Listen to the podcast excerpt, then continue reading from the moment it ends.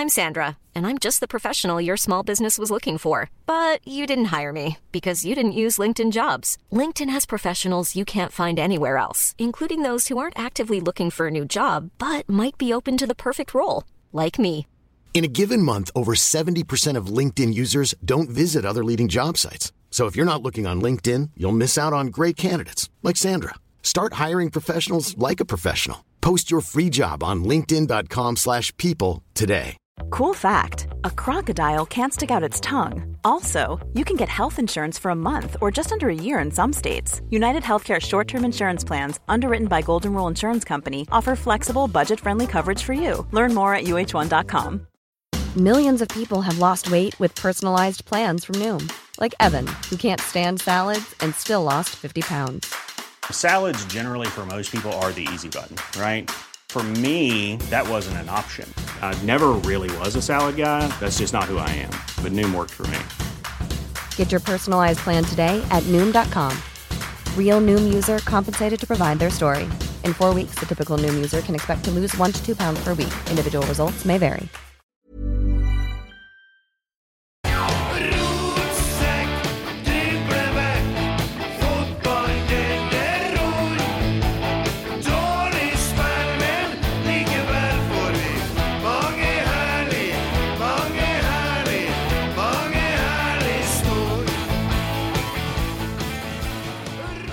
Det er onsdag, det er gjest, det er Tommy. Hei. Hei, hei, hei. Er det bra med deg? Det er bra med meg, vet du. Jeg ser du hører, jeg så en screenshot. Du driver og herjer litt på Twitter. Ja, det er Gutt og gutt. sånn er det. Sjølpining. Nei, Emil Almås som tok ansvar. Jeg bare la ut en tweet, så tok Ja. han ansvar derfra. Det er fint, det. Åtte dere orker.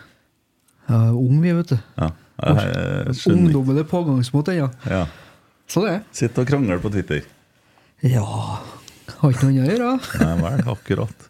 Det er mye som er artigere enn det. Kløpp plen. Slå kantkløpp. Ja. Kevin, da? Er du på Twitter for tida? Ja, jeg er jo litt på Twitter. Men det er lite krangling da, heldigvis. Jeg prøver å frastå det. Ja, det er vel gode tider nå i Stjørdals eh, blink og ja. Ja, det er jo det. Eh, Vi har jo et lite cupeventyr på gang, så vi Ja. la jo ut billetter til kampen mot Vålerenga i dag. Så det har vært litt sånn aktivitet, da. Men eh, dere er jo supportere, av. Og jeg som på en måte har en eh, en offisiell rolle må jo være litt mer forsiktig med hva Ja. det, det er nok mer jeg kunne tenkt meg å lagt ut på Twitter enn det jeg faktisk gjør. Ja, For du har vært veldig mye. Så du, du har vært juniortrener i Rosenborg, du har vært agent, og nå er du daglig leder. Ja. Ja, og på en måte skulle inn i Stjørdal og snu skuta. Og så la du en plan, så tenkte du vi tar det i cupen.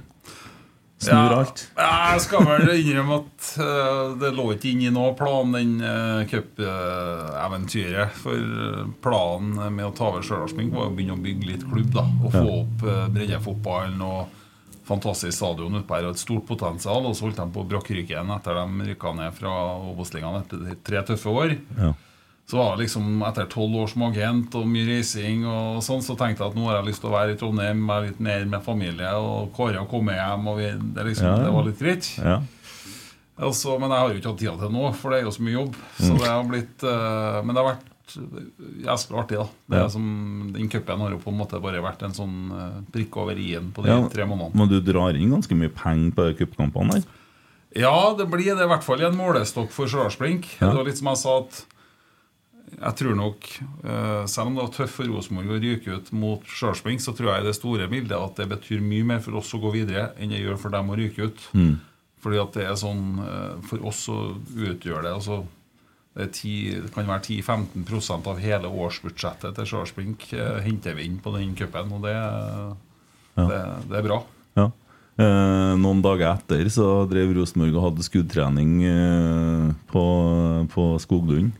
Da kom det en bil, det var samme dagen som det var eh, nye kamper. da eh, Med Ranheim-flagg og en høyttaler, og det er kamp i fjæra i kveld. Cupkamp, velkommen, og bla, bla, bla. Ranheim-musikk og greier. da For å kjøre rundt spillerne som så trener.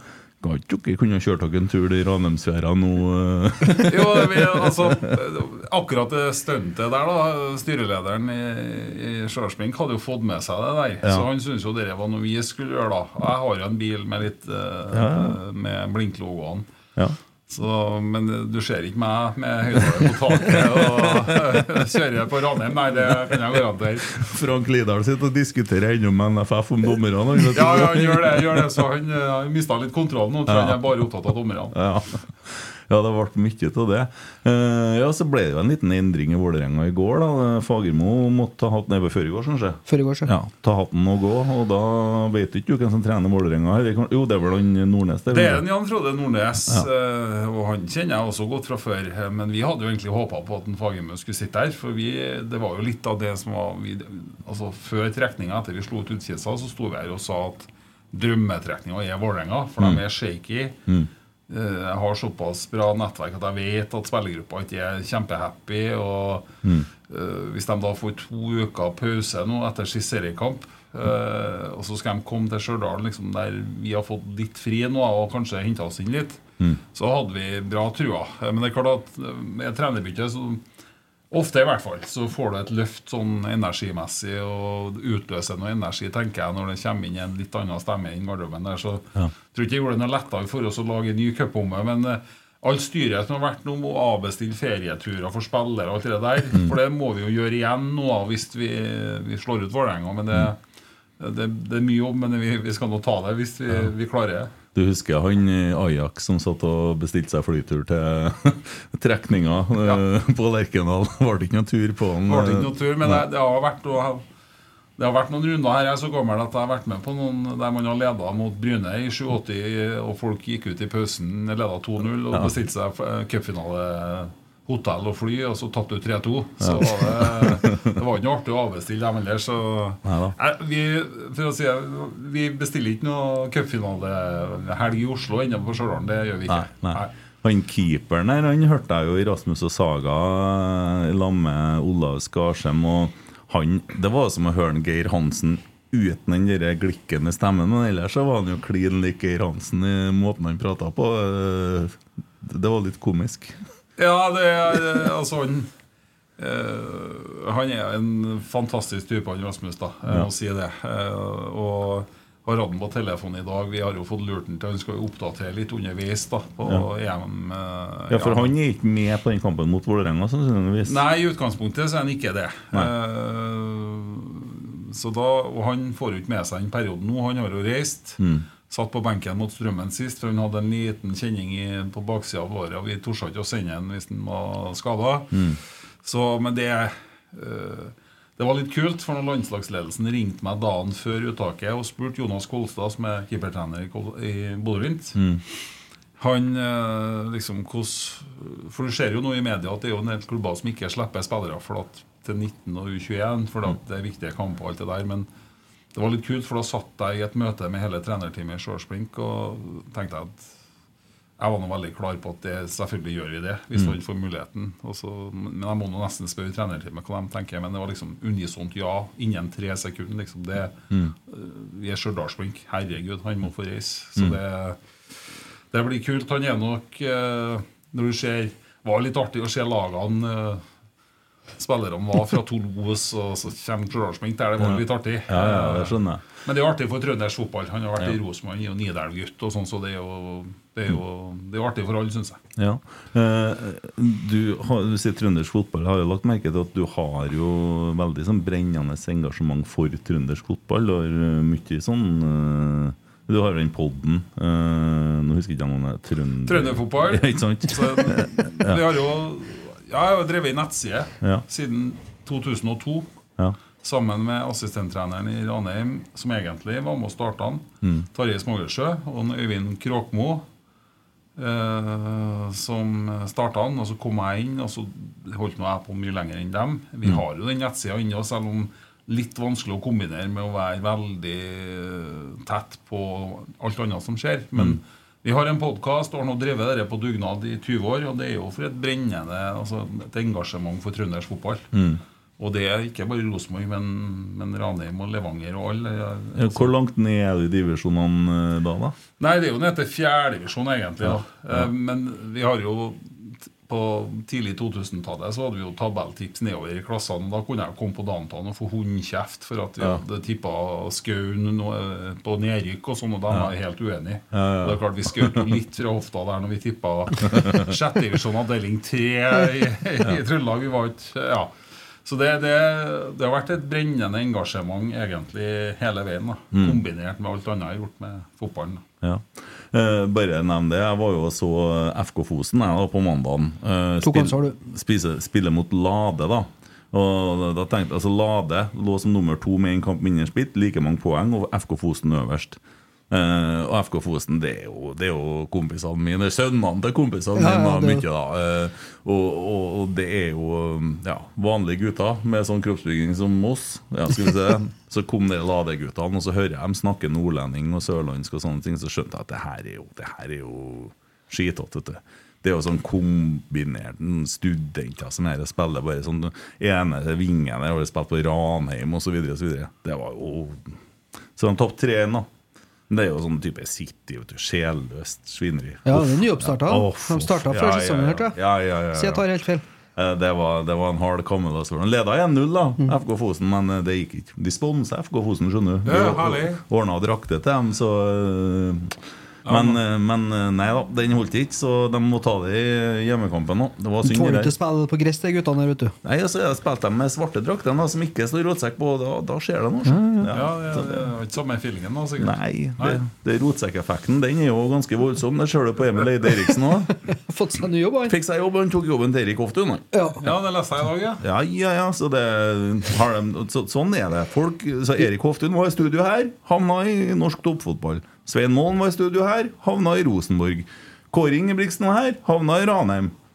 Hvor havna jeg nå? Ja, Det er det jeg er spent på! Ja, det er også. Hovedtrener i Ja, Rosenborg. eh, Det er jo det er greit at det er tøft for deg, men så tøft kan det pinadø ikke være. ass.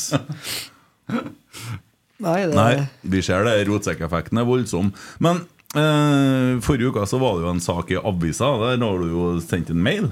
Ja, Eh, hva det var for noe, det? Eh, vi spilte jo mot Rosenborg i cupen. eh, Og det var jo sikkert den, I euforien vår var det jo ikke så vanskelig å se hvor tøft det var for Rosenborg. For det var sikkert det bunnpunktet som du kunne nå når du ryker ut i andre runde mot et andredivisjonslag. Eh, Kjetil var jo opp Rekdal var jo opp på vippen til oss og snakka. Jeg prata med han der foran våre partnere. Og ja, veldig hyggelig. veldig, altså Sammenlignet med Steffen Landro, som kom uka etter i den tredje runden med Ullkisa, som bare Herre vinner vi lett, og vi knuser det. og Vi var heldige med trekninga som fikk sjølsprint. Den inngangen kjørte nesten han, mens Kjetil var veldig ydmyk, veldig fin. Eh, under kampen, etter kampen. De taper. Han må stå der for 15. gang på tre uker forklare hvorfor de ikke vinner fotballkamper. Hvorfor skåret du nok mål? Han tar seg tida til å snakke med alle sammen. Han kommer bort og gratulerer oss med kampen. Han, er, han stopper og snakker med ungguttene fra Stjørdal som har Rosenborg-skjerf og drakter på seg, selv om de heier opp og blinker den kampen. Og til og med eh, noen som satt i rullestol og eh, som er tilknyttet klubben, tar han seg tida til å snakke med. Ikke sant? Og, og gjengen der sitter jo nesten med tårer i øynene når den bussen kjører med Rosenborg. Og da, og da har du sikkert opplevd det sureste tapet du, du har på lenge da, i en tøff periode. Og det syns jeg og det synes jeg er for dårlig at det ikke kommer fram. For det er liksom i harselerer. Og det, det har blitt så tøft i dag, det å være i toppfotballen, spesielt i Rosenborg. Og jeg, jeg har jo kjent en Kjetil litt fra før, jobba som agent og hadde litt med en Kjetil og gjort opp gjennom tida. og jeg, altså Litt imponert altså, overfor det. Der har han tatt noen steg, og den måten han står i det nå eh, og det, det er veldig imponerende. Og at du, Markus Henriksen kommer bort eh, altså Jeg trente jo Markus i, i Rosenborg, og, og, og sånn, og det, du ser at det er ærlig. Det er ikke bare den jeg gratulerer. Det er ikke sant? De, de er, og det blir jeg glad for, da. Som Rosenborg-supporter i bunn, så blir jeg glad for å se det. At man, man har den kulturen og den identiteten, for den tror jeg er viktig. Da får du supportere. Alle dem som sto i lobbyen på stadion vårt til den kampen og så det der, de heier på Rosenborg HamKam, og vi jubler når de slår HamKam 4-0. Så det er litt sånn vi, vi glemmer det oppi det hele. Når leste vi noen dager etterpå at uh, ungene til en Kjetil har blitt spurt sant? Det, det har fått sånn perspektiver som ikke hører hjemme noen plass. Eh, så så han Kjetil uttalt etterpå at ja, det er folkskikk. Jo, men det er ikke så lett med folkskikk når du står i den skiten der Nei. dag ut og dag inn. Da er det karakter da, når du gjør det. Og det syns jeg var viktig å synliggjøre til Rosenborg. Og Jeg sendte en mail til Tore, og han ringte meg og jeg forklarte litt hva jeg mente. og Det satte han opp pris på. Han tok det videre, og så fanga media litt opp det. Men jeg, jeg syns jo det var viktig å synliggjøre da, som klubbleder i lille, lille lillebror. Eh, at det, det satte vi ordentlig pris på. Ja. ja, altså Det er jo snakk om kulturbygging der. Så kultur er jo ofte menneskene som er innenfor veggene. Eh, Det er lett å skrive om kultur på veggen, men så er det noe med det, hva er det som er kultur. Og det er jo det som blir gjort og sagt. Ja, det, det er ikke noe tvil om det. Og vi, vi snakker om at kulturen sitter i veggene. De gjør ikke det, de sitter i folkene. Og Det er klart at nå har det har skjedd veldig mye i Rosenborg. Det har bytta ut masse folk. ikke sant? Det er, det er veldig få eh, som er nå i Rosenborg som var med på denne glanstida gjennom 90-åra og alt det som har skjedd. ikke sant? Så Det tar tid, og da, da trenger du den eh, altså da, da tenker ikke jeg på hvordan fotball man spiller, eller resultatene er gode eller dårlige, men det at man bygger det der eh, Jeg nevnte jo før vi gikk på at når jeg ble ansatt i Rosenborg etter en Bent Skammelsrud tok over som juniortrener for Bent Skammelsrud, så måtte jo jeg og Geir Åge Gjelde kurses av en Per Vingsnes. Altså, hva er det å være en rosenborger? Hva vil det si? Vi måtte lære oss postulatene. Vi flirer litt av det, men i etterkant så ser man liksom verdien av det. For at det, det er forventningene når du er en del av Rosenborg. Og det en Kjetil gjorde der, syns jeg på en måte Jeg sa det jo i media, jeg tror ikke Fagermo hadde kommet til å gjort det der. Sant? Han har blitt irritert og ja, Sikkert en Kjetil for ti år siden hadde også sikkert blitt irritert. Men det gjorde han ikke nå, altså. Han sto her rakrygga og var ordentlig fin. Burde vi supporterne etterlevd eh, postulatene eh, mer? Uten tvil. Ja. Jeg tror vi glemmer det litt, da. Jeg, jeg tror vi glemmer det, For vi, vi står hele tida og snakker til det sportslige i Rosenborg f.eks. om artig og angrepsvillig fotball. Men det er ett postulat, det er én ting da, av eh, det, Du skal være transparent, du skal være åpen, du skal være folkelig. Eh, og det gjelder alle. Det er jo ikke bare trenere og klubben, men det er jo òg supporterne. Jeg syns det er litt kjedelig når vi har besøk av Rosenborg og man demonstrerer mot laget ute på banen med å være stille på tribunen. For det går utover altså det, går ikke bare, det går ikke utover Kjetil, det, det går utover klubben, det går utover spillerne. De er jo avhengig av den støtten. Mm. Og øh, Kjernen for meg har jo vært helt fantastisk de siste årene. Også, øh, det har vært klart beste supporterne i Norge. Eh, og det er klart, da merker de det. Når de detter ut og på en måte bruker energien sin på noe annet enn å støtte laget. Så, så jeg skal ikke mene å si at det er feil, og sånn, men jeg, jeg syns man kan tenke over det. For det er klart at eh, jeg tror det er guttene som spiller ute på Lerkendal hver helg, merker det kjempegodt når den gjengen der står og dirrer bak dem deres. Hører jo Olav sier jo det sjøl òg, at de, eh, de, trenger de trenger backinga. For det, det er jo ingenting som slår eh, et fullsatt Øvre Øst som uh, synger spillerne fremover. Da er det uggent å komme til Lerkendal som uh, motstander. Altså. Ja, det, det, det, det, det er to vidt forskjellige verdener. Og det er Men det, jeg fikk en melding en dag. Eh, den er litt morsom. Det, skriver, det står som følger Det er ganske paradoksalt at dem som eh, krever å stille spørsmålstegn ved åpenheten på brakka, arbeider i det skjulte. Uh, altså De springer med masker og henger opp disse bannerne om åpenhet om natta som ikke skal vises. Uh, og da, da er det jo litt ironisk, på en måte. Og så, Du kan jo ikke kreve altså Tommy havna i en diskusjon på Twitter i stad. Fordi at Snakka om at kanskje flere burde etterleve verdiene. Og så får han til svar at det er ikke supporterne sitt ansvar. Men er du noe medlem i Rosenborg, så har du noe på en måte Da skal du nå være rosenborger, da. Det er nå det som blir sagt på medlemsmøtene når folk blir valgt inn i verv. og Sånn at det her er en rosenborger. Det må jo handle om å etterleve alle verdiene. Og så kan man diskutere om ei lukka trening handler om åpenhet eller ikke. Eh, Det kan hende at det, det, det er jo ikke bare altså, for Det du snakker om Kjetil nå, og sånn som dem har holdt på da, eh, i, siden de kom, og, og vært med adressa på sending, direktesending i seks timer og sagt ja til alt. Møtt opp både her og der. Uansett hva det har vært, så har de sagt ja og stilt opp. Overalt. Og, det, og, og vær så god, kom inn her, er planene deres. Det, det er veldig over innsiden. Alt er jo helt tvers gjennom åpent. Ja, det, det er jeg helt enig i. Ja. Men så er det liksom Det er jo mer krav til en trener og til ansatte i en klubb enn det er til supporterne. Mm. Og så er Rosenborg så svært, på en måte. Det er så mange som bryr seg, eh, at eh, Jeg skal ikke sitte her og si at Nei, Vi kan jo ikke sitte her og kjefte på supporterne. Det kan vi ikke gjøre. Men eh, det går an å stille spørsmålstegn ved noen ting. Og så kanskje noen bør gå og så se litt eh, Så bruke speilet mer enn kikkerten da, når man leter etter feil. Jo, men det tror jeg det gjelder alle i en sånn case. da altså, Det tror jeg gjelder supporterne, det tror jeg gjelder klubben, det gjelder styret, det gjelder Ja. trenere. Ikke sant? Og, og jeg er 100 sikker på at en Kjetil og Geir gjør det. Mm. Fordi at de har vært med på det så mange ganger før. Jeg skal love deg at de leter med en lupen altså, for å finne ut hva er som kan gjøre oss bedre. Hva, Mm. Hvilke grep gjør vi? Og jeg tror ikke alle andre i den prosessen gjør det.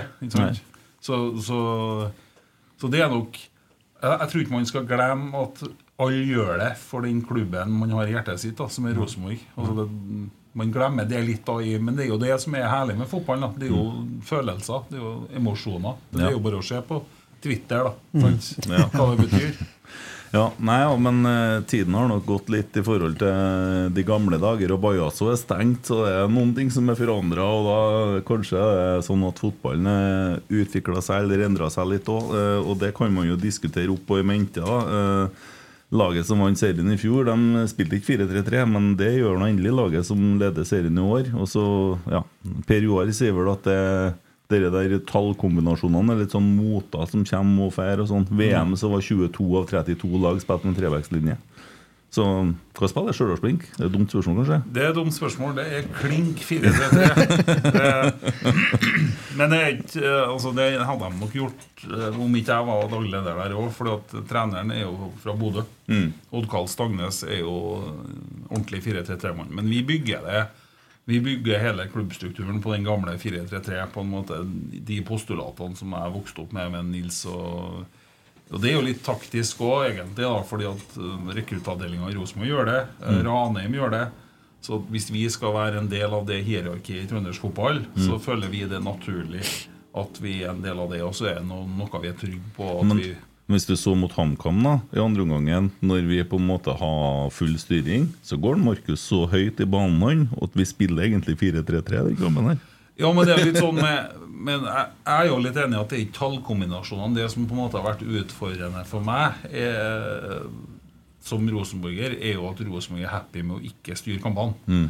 Det er liksom mye mer viktig for meg enn om du spiller 4-3-3 eller 4-2-3-1 eller 3-4-3. Mm. Men det er liksom den greia at jeg vokste opp med at Rosenborg skal dominere kampene. Du skal diktere matchen. Du skal styre det som skjer på banen. Derfor liker jeg veldig godt å se på Bodø-Glimt. Mm. Det er ikke bestandig de spiller fantastisk fotball, men de går alltid ut med en tanke om at det er vi som skal dikte kampen uansett. Mm. Derfor syns jeg artig å se Ranheim nå. Selv om de ikke vinner alle kampene, så går de ut og prøver sitt eget spill. Mm. Litt sånn som en uten, Vi må slutte å snakke om en Nils, men han, han holdt nå på med sitt. Og så var målet å bli så god på det. da Mm. Så jeg, det er jo det jeg savner litt fra Rosenborg-utgaven i dag, er jo på en måte denne spillkrafta Mm. som jeg håper kommer der man dikterer kampen fullstendig og styrer matchen. Mm. Jeg tror vi hadde 70% position mot eh, Stabæk i andre omgang. Ja, 72. Men eh, det hjelper ikke, da.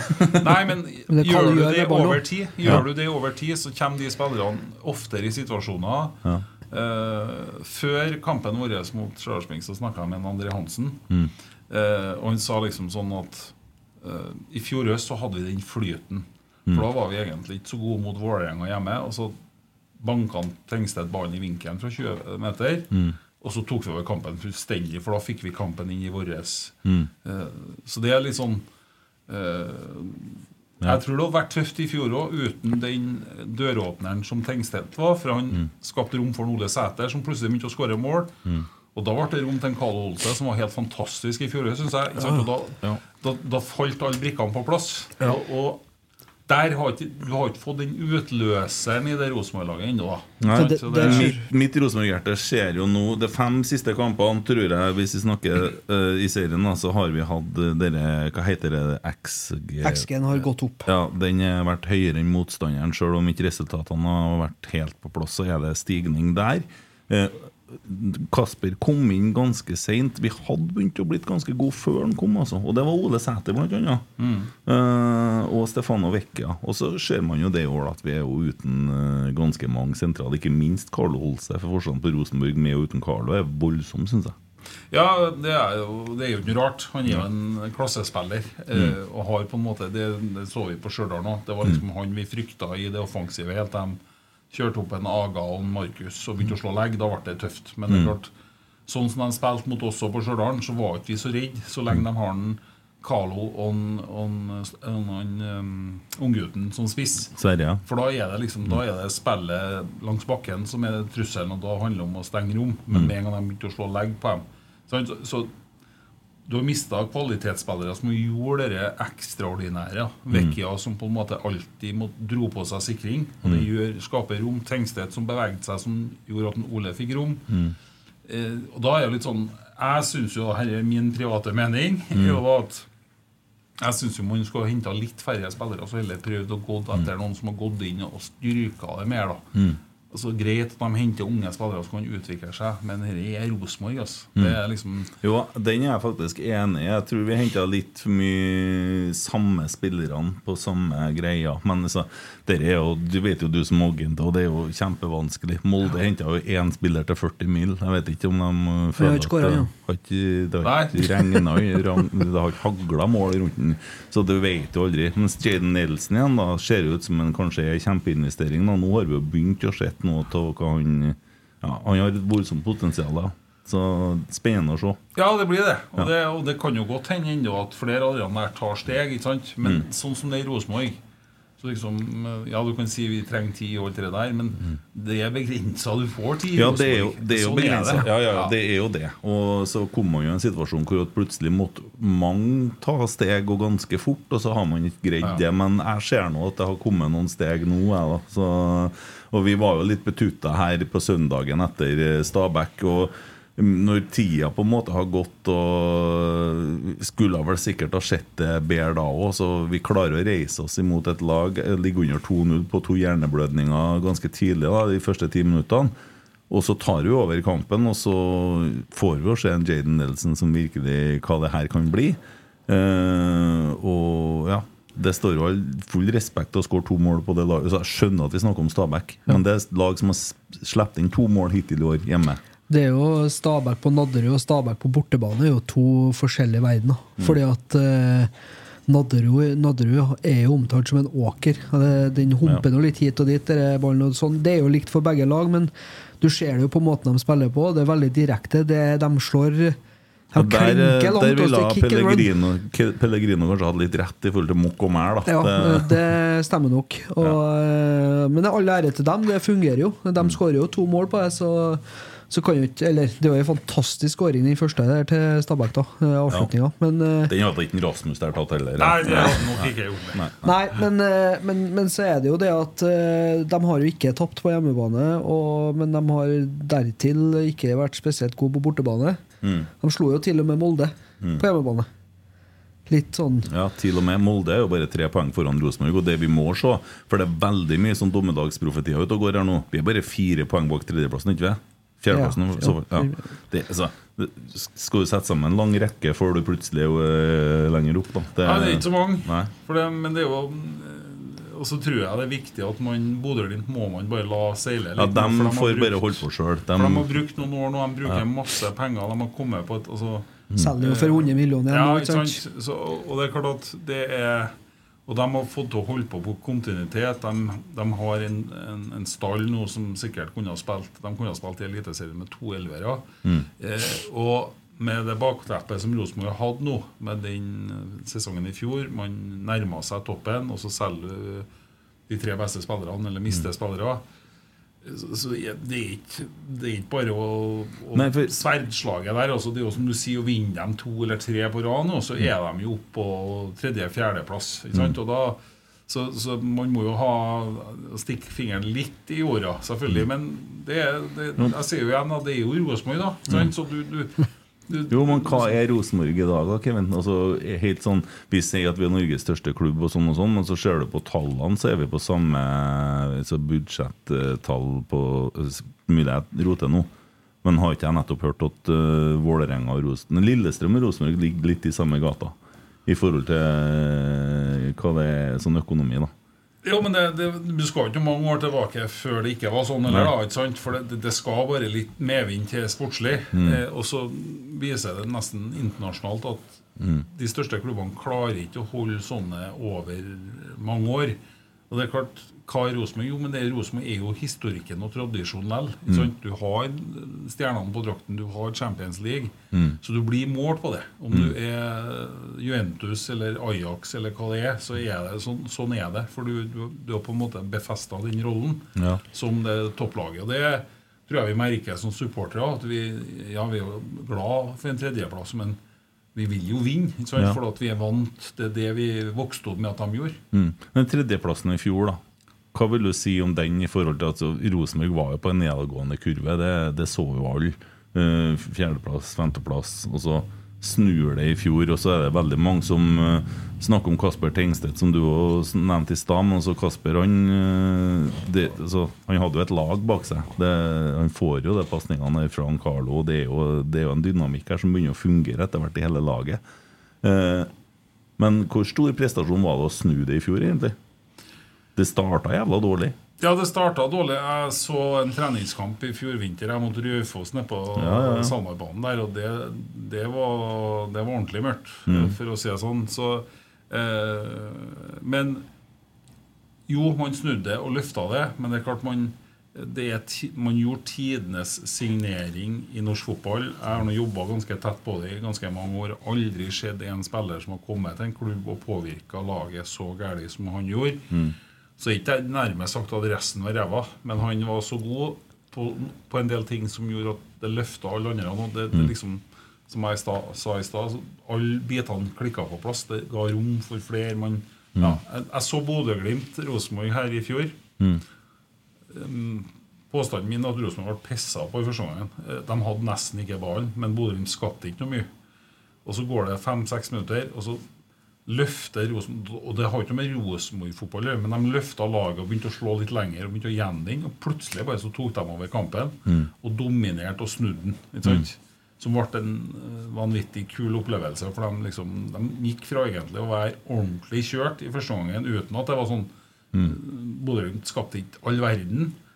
Men, men de fikk en sånn trøkk i spillet sitt, og den liksom, den savner jeg litt fra den den derre Men se på 4-3-3-en i de tre foregående årene. da Eh, kan si Etter en KrF for, da. Eh, hvordan vi forvalta 4-3-3 da. Husker nå 2019-2020. Dino Islamovic sto alene framme her og fikk ingenting å jobbe med. Det, det fungerte heller dårlig. Ja, det er, altså, det, er ikke, det er ikke bare å sette opp et lag i 4-3-3 og tenke at det fungerer. Det, det må settes sammen. Det må være en prosess i det. Det må være en, en helhetlig plan. Eh, og, eh, og det er klart at man kan ikke bare Hvis man ikke finner de typene For det krever noe av trener Rosenborg. Det, er- det krever en ballast. Så det er ikke bare å sette sammen laget i 4-3-3. Men det er klart at jeg tror jo innerst inn at eh, hvis de hadde fått valgt på et tidspunkt Hvis det hadde vært det klare alternativet som de tror kunne ha dratt dem videre i 4-3-3, så tror jeg nok Rosenborg har valgt det. Så jeg tror nok man har kommet litt dit fordi at de, de klare kandidatene var ikke her. Man så ikke dem som Hvem kan ta oss videre i det her? Ok, da velger vi en litt annen måte å gjøre det på. Og det, og det må de nå velge å, enten å stå i nå, ikke sant? Eh, for det har man jo ikke vært flink til. Se Horneland nå som på en måte eh, kom til, til Brann som assistent og, og tok over og fikk rykke ned, liksom. Da fikk han holde på, men da måtte han. Da måtte han øve på å dominere kamper. Han måtte øve på å styre kamper, for du kan ikke rykke ikke opp fra Obos-ligaen og ligge og kontre. Nei. Og da plutselig fant han, altså, da fant han en kombinasjon mellom den spillkrafta og den intensiteten han ønsker, med Men det tror jeg han kunne gjort i 4-4-2 òg. Men Så det handler om Det er mye mer sammensatt enn det. da Ja. Men det er så lett for oss vet du, å, Ja. å si at ja, men Ja, for det krever jo spesielle typer. Det er jo rolle, rolletyper. altså Det krever ja, altså alt det her med backer og, og, og midtstoppere som er med hurtighet og alt det her for å få til et godt 4-3-3-lag. da. Eh, ja. Så, så kan man jo kanskje skjønne at man valgte å skifte litt kurs ut ifra hvor utrolig dårlig det var årene før. da. For det så jo ikke bra ut. Ja, men det er, jo, det er jo feil mann å spørre, da. For jeg Jo, jo, mener at jeg de burde det- ikke ha skifta kurs i 2018 der. For da, Nei, jeg snakker ikke om 2018. Jeg snakker Nei, om 2021, da. men ja, vi, vi, vi, Men da tok- hadde de jo gått seg bort, ikke sant? Ja. Ikke sant? Men, Ja, ja. Og det er liksom sånn, Da hadde man leita på samme kursen, så det kan godt hende at da er det Mm. tidspunkt for å prøve noe annet. Ja. Eh, Men på et eller annet tidspunkt nå så må, må Rosenborg stå i det. Mm. På et eller annet vis. Og jeg skal ikke mene om Nei, nei. hos, Nei, hva de skal stå i. var så heldig å fikk sitte og snakke med en Kåre her òg. Forhold til Han jo sier jo at eh, det var noen ting som man ser i ettertid burde ha vært gjort annerledes, som fokuserte plutselig mer på det defensive. Gikk jo litt bort ifra Nils Arne-tankegangen. Og, og det beit han litt i ræva, for det ble jo litt Man, man lå på andreplass i, i 2018 der når han fikk beskjed om å møtes. Spørsmålet om å møtes, da. Eh, så ja, det sier jo litt om uh, hvor høyt opp vi var da. Og så har det kanskje ikke gått så bra etterpå, da. Det beste vi har fått, er en tredjeplass, og det var i fjor. Ja, ja, det, altså Det slår jo i hjel alle diskusjoner rundt det. Altså, I ettertid så, så kan Men altså, sånn kan ikke holde på i fotball. Nei. De gjorde nå det valget Mm. og gikk nå videre. Mm. Og det er liksom sånn Det må slutte det har han Kåre slutta å dvele med for lenge siden. Det Mm. har jeg slutta å dvele med, det må folk gjøre òg. Mm. For det er liksom sånn det, Man må gå videre. Mm. Og, det, og han har nå kommet seg videre, og det har nå Rosenborg òg. Og så får de noe, nå må de velge navn. De står i det med en, eh, med en Kjetil. Nå så at det skulle være ordentlig evaluering da i juni igjen. ikke sant? Mm. Jeg syns jo at de på et eller annet tidspunkt enten så må de gjøre noe, eller så må de stå i det nå. Mm. Da, da må ikke de evaluere hver måned eller Nei, hvert kvarter, for da må de gi en tid. Ja. Enten så må de altså Litt sånn som Vålerenga nå. De, de tar et valg, og så kan man være enig eller uenig. Mm. Men hadde de ikke sparka Fagermo, nå, så måtte de ha stått i det. Da måtte de ha gitt den resten av sesongen. For da Mm. er du liksom du, du kan ikke da ha et nytt styremøte om en måned, så jeg håper jo liksom at nå må de enten stå og stå i det etter den evalueringa, og da må de ha en plan. da, Hva Mm. gjør vi da? Mm. For det er sånn Det var jo litt det som jeg syns var litt rart med sparking av en Kåre den gangen, var jo at virka som ja, Hva faen gjør vi da? Ja, vi henter opp han nederlenderen fra akademiet. ikke sant? Og han var ute av klubben året altså Det virka helt sånn eh, og, det, og det er jo litt sånn Vålerenga, syns jeg òg nå. ikke sant? Mm. Ja, for de Nei, det har ikke ikke vi begynt å tenke på ennå. Det, det virker så rart. Ja. liksom, ja. Ja. Så- Jo, jeg er helt enig i det, og det viser jo tiden etter at det, altså, dere burde, så Hvis det først skulle gå dit at Kåre ikke skulle fortsette, så skulle man jo ha venta til ut sesongen. Og heller ha tatt en andreplass, da. Hvis det har blitt det, da Nå ble det førsteplass, men så, øh, om det så hadde blitt lenger ned på tabellen, så hadde jo klubben tjent på det uansett i forhold til omdømme og forhold til Ja, ja. omgivelser og alt det prakket som man måtte gjennom, da, som, som ble en sånn ripe som Ja.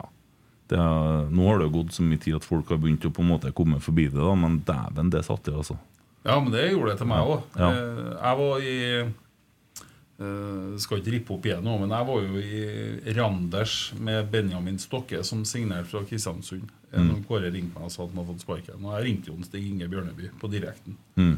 Og bra han ikke tok opp den telefonsamtalen som jeg leverte da, for det var Da var jeg noe et eh, Da husker jeg liksom at hans oppgave var det å ta vare på menneskene oppi det. Mm. Og det er liksom det er akkurat det jeg syns de ble for dårlige til. Ikke Mm. Fordi at Er du trener i fotballen i dag, så må du ta det det innebærer. Og så Mm. får du sparken, ja, da får du sparken. Mm. Men jeg syns alle fortjener å bli behandla på en ordentlig måte gjøre det redelig. Mm. Og liksom sånn, så, men det er heldigvis nå uh, historie. Ja. Ja. Ja, det er det. Og det er jo, det er jo en gang litt sånn snodig å sitte her. Og vi har jo vært heldige å ha den Ivar her. Altså, det var en veldig hyggelig podkast, det òg. Og, og Ivar og Kåre de, jo, de gir jo hverandre en klem i dag, sier de når de møtes. Og det er noe bra at det har kommet dit. da Og så på en måte rent litt vann gjennom elva. Ja, jeg tror det har vært bra trykk i den elva til tider. da. Eh, Men det, sånn er det. Og, og der, jeg kjenner jo ikke Ivar, jeg, men jeg kjenner en Kåre. Og der er en eh, Kåre flink da, til å på en måte Han når han er ferdig med det, så er liksom, da går vi videre. Og så vet jeg jo at han har et eh, bankende hjerte for Rosenborg uansett hva som har skjedd i historien. Så Mm. ja. Ja. Hva kaller navnet på kona her?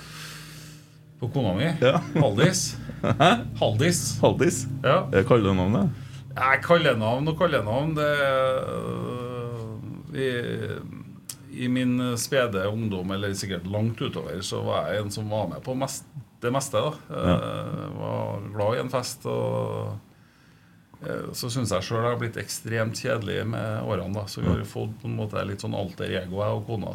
Er Halvor og Haldis. Oh, ja. Det Der vi er litt sett og gammel, og vi, det, vi, er, vi er ikke noe mye artig. Også. Det er Netflix, og det er gå tur, Ja, ja, ja. og ikke sant? Det har, det har endra seg radikalt da, på noen år her. Ja. Eh, Så det er liksom litt Det er, Det litt artig, for jeg kaller kona mi Laura. Det er litt det samme. Ja. Vi er sånn gammelt ektepar som går hjem og surrer litt. Og, Ja. ja. Og det, det er sånn, vi, vi bodde i Sandefjord noen år, og da hadde vi laga vi skilt på døra. For det var jo ingen som kom på til oss likevel. For vi kjente jo ingen i Sandefjord annet enn Frank Lidahl. Og han var jo aldri i Sandefjord likevel. Så da hadde vi Haldis og Halvard. Ja, med det. sånn, eh, sånn tegning av oss sjøl som litt gammel. da Eh, Jeg med golfkølla og hun med en paraplydrink, liksom. Så det var vi, fin. Men det er litt sånn Jeg glemmer meg av og til, jeg kan jo rope 'Hallis' og sånn på butikken. Og da, det syns jeg er litt flaut. da. ja. Så det er jo egentlig skal det jo være internt. Men ja. nå ble det jo veldig Nå ble det litt ja. uh, Og så var det en ting til, da. For dere uh, Det var Jeg vet ikke, har dere mange unger? Ja, Vi har ingen unger sammen, men uh, jeg har ei datter, og hun har ei datter. Fordi at når den dattera di var lita, så, så var det en periode hun ikke skulle ha noe sukker. Ja. Da var han onkel Kåre barnevakt. Det var han. Ja. Eh, Det var på, da var jeg trener i Kolstad i andrevisjon. Ja. Så da måtte jeg jo ha en eh, onkel Kåre til hjelp. da eh, Og når det var spilt 88 minutter, så kom han bare over og leverte. da Mm. Og da hadde jeg jo sjokolade rundt hele munnen og fått en sånn svær melkesjokolade. Som jo aldri Da var han et par år aldri smakt sjokolade før. Og var jo helt vill i blikket. Så det var jo hennes debut med sjokolade. Og den hadde jo kommet ut igjen, og da var det jo bare å levere fra seg og Maria. Så da var det en eh, var det, var det faren som måtte ta jobben med, med det. Herlig. Det er bra. Du har begynt å fått inn, en- du har fått inn et spørsmål, du, Tommy. Ja. Eh, det første her da, det var jo et klipp fra NRK. Eh, og det er overskrifta 'Her disser de Stein Roar'. Husker du den Ja. episoden? Jeg husker, for jeg var jo i Jeg var jo i NRK radio på morgenen her til, en, eh, til en Odd Rune mm. i morgensending for noen uker siden, og da møtte jeg jo en Stein Roar. Det var jo når Kevin Keegan var i Trondheim, eh, så ville de lage et eh, innslag om at jeg er kalt opp etter en Kevin Keegan. Mm. Kåre som kom opp med navnet Kevin. Eh, og i det intervjuet når vi snakker om det, så sier jeg jo at eh, ja, jeg er jo kjempeglad for at det ble Kevin. For det andre alternativet var jo ikke noe bra. Sant? Det, det er jeg veldig glad for at jeg ikke heter. Ja, hva var det, da? sier han. Det var Stein Roar. Ikke sant? og da begynner jo reporteren og til og med kameramannen å flire, for da heter jo han Stein Roar. Ikke sant? Så da, da liksom sa jeg det vil jeg jo ikke hete, sier jeg jo der på intervjuet. Ikke sant? Så det ble eh, det var litt flaut, da, men vi, vi, vi flira så gærent av det at det ble en, en bra greie uansett. Så det, Ja, det er bra treff, da. så liksom, jeg tror ikke det er så mange som heter Stein Roar. da Så liksom når, når jeg kjørte den, at han kameramannen som stod og filma meg, het det samme. Ja. Så, Den er fin. Uh, du, du var jo agenten til Ole Sæter. det var jeg. Ja. Og så valgte Ole Sæter å skifte agentfirma. Ja. Og så slutta du som agent. Det var ganske tett på hverandre. Ja. Ikke noe sammenheng der? Eh, nei. Nei. Det var ikke det. Eh, jeg har jo som sagt som Da hadde jeg jobba i Start som tolv år etter jeg slutta som trener i Rosenborg. Eh, og var klar på at jeg skulle gjøre noe annet og snakka den dialogen. Men det er klart at det var ikke noe lett Altså Det gjorde ikke noe vanskeligere å avslutte etter den prosessen med Ole. Nei. For det var en krevende Det var et Ja. krevende år med Ole. Eh, det skal ikke jeg Det er ikke noe å legge skjul på. Men eh, jeg skal ikke skylde på en Ole, Ole for at jeg slutta som Ågen. Det skal jeg ikke gjøre. Nei. Nei, Ole han har jo fortsatt ikke signert noen plass, han, og nå er det jo bare et halvt år igjen snart av kontrakten hans med Rosenborg. Han har heller ikke spilt fotball så langt i år. Nei, det, det er jo en forferdelig situasjon. For selv om det ble avslutta, men Ole og vi ikke jobba med han noe mer, så unner han alt godt. Han er en, en fantastisk gutt. Men det er jo, altså Vi snakka om emosjonell her, men han er jo høyt og lavt og på en måte styres veldig mye av følelser. Mm. og nå må han jo komme seg på banen og bli skadefri og få spilt, for det er klart at han er han er en vanskelig mann å definere i forhold til når jeg jobba som agent. Hvis du skulle selge inn en Ole ut i Europa, så hva er han god på? Jeg skårer mål.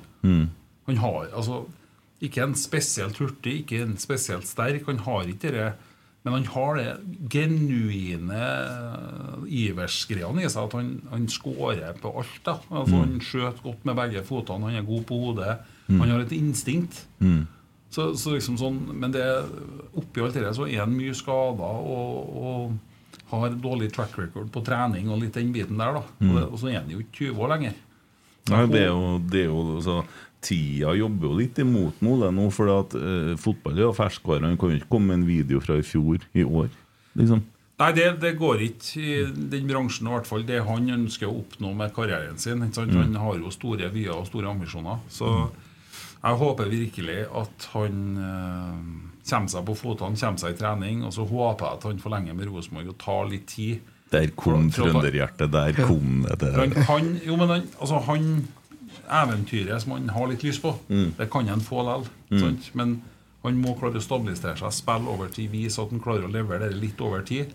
Så, så kommer den muligheten til å komme. Det er jo litt sånn eh, Han har jo muligheten til å bli en eh, type legende som blir klubben, og som blir klubbmann. De er ikke så mange lenger, de. Erlendal Reitan kanskje er i den gata nå og kan bli en sånn som blir Rosenborg hele karrieren. Og et lite utlån, men det hadde jo Roar Strand Erik Hoftun òg, var borte en liten tur. Men eh, kan jo få masse år i Rosenborg, og så er det fint. Ja, men det er vanskelig vet du, når du nevner Hoftun og Roarstrand og sånne som har vunnet altså, spilt Champions. Altså, der ser du igjen hva, du, hva du blir sammenligna med i Rosenborg. sant? Men ja, det, Ole har eh, han, han kan ha mange år igjen. Men han må komme seg på, på banen og bli skadefri og på en måte få litt stabilitet i det han holder på med. Og jeg, som trønder så håper jeg det at det blir Rosenborg nå. For at han kan komme seg videre ut for det. Det er jo ikke Ja. sagt at det løpet er kjørt. Da er det litt interessant å spørre deg om Ruben Alte i Ranheim, da. Eh, som er på en måte linka til Det sto jo i avisa da, at han er linka til halve Eliteserien. Eh, det kan jo fort være agent som sier i avisa, for det er jo gunstig. Men eh, eh, ja, er det plass for en sånn kar i Rosenborg, tror du? Ja, det håper jeg virkelig. Ja. Men jeg er viser jo at jeg er jo trønderfotballmann. Jeg, jeg digger jo altså De to beste Obos-ligaspillerne på midtbanen er jo trøndere. Det er Sander Kartum i Kristiansund, og det er Ruben Alte i, i Ranheim. Nå er Ruben en del yngre. Men han skal Eh. jo da konkurrere med Marius Broholm, Olav Skarsheim, Jaden Nilsen kanskje. Altså det er jo flere av dem i Rosenborg som er allerede etablert i Eliteserien. De kommer jo fra Obos som må på en måte Men det er jo uansett det valget han tar, så kommer han jo til en klubb der han må slåss om en plass, da. Ja, men det, det, det kommer han til å gjøre uansett hvilken eliteserieklubb han går til. da. Så han, begge de toene. Mm. Sander er jo på utgående, så han kommer nok ikke til å spille i Kristiansund neste år, regner jeg med. Eh, og Ruben tror jeg heller ikke spiller i Ranheim i 2024. Uh, og også Sondre Langås, stopperen, Ja, som vi måte vi har slettet litt med å få opp gode stoppere. Jeg håper virkelig at han er i Rosenborg i 2024. Selv om han kanskje ikke er klar til med en gang å gå rett inn i førsteelveren og dominere. Så jeg liksom Jeg syns vi må ha litt ekstra tid for dem som er trøndere og som kommer opp. Eh, Sondre har jo en ekstremferdighet. Han har litt det tempoet, han har en fysikk. Han, han må jo bli mer voksen og utvikle seg videre. Mm. men Ruben syns jeg har vært vanvittig god i år. For han har på en måte utvikla seg hele veien. Og det er jo drømmen for meg som har drevet trønderfotball. En som har gått fra Namso hele den rekka her. Det, jo, det hadde jo vært helt klasse. Jeg så han vet du, når han var bare seks-sju år. Vet du. Jeg tror han er tremenningen til dattera mi. Altså. Tror det. Ja, ja. Alle er slekt med Namsos. Å, sier han fra Overhalla. Veldig bra meldt, Tommy. Ja. Ja, du, ville, Eh, du ville stille et spørsmål nå, skjønte jeg. Nei, jeg treffer jo alltid bra. Ja, ja. Eh, Du har jo som sagt vært eh, agent i mange år. Hva er den artigste historien eller overgangen du har vært med på i den perioden? Uh, det har vært noen artige. Uh, Iver Fossum til Hannover. Altså det har vært en del artig. Eh, den kuleste, kuleste historien tror jeg var når vi var i møte med familien Ødegård i Drammen. Oi. Eh, for da var det litt sånn at Martin Ødegaard skulle ikke ha agent. Eh, du måtte liksom De forskjellige agentene representerte forskjellige klubber. Selskapet vårt representerte Liverpool. Så vi var i møte da på klesbutikken til Hans Erik Ødegaard i Drammen. Inn på bakrommet, for han var jo på jobb. ikke sant? Han, eh, Martin var jo 15-16 år og spilte på Strømsgodset. Alle klubber ville ha han. og så Eh, Vi har med oss eh, en advokat fra selskapet og sjefene internasjonalt. Og liksom, Dette var gjevt. Og så eh, akkurat i møtet begynner, så legger han, eh, Hans Erik Ødegaard fra seg telefonen på, på pulten sin. Og da ringer jeg til han. Og han har 'You'll Never Walk Alone' som ringetone. så da hadde jo vi en veldig bra trua på at dette skal vi få til.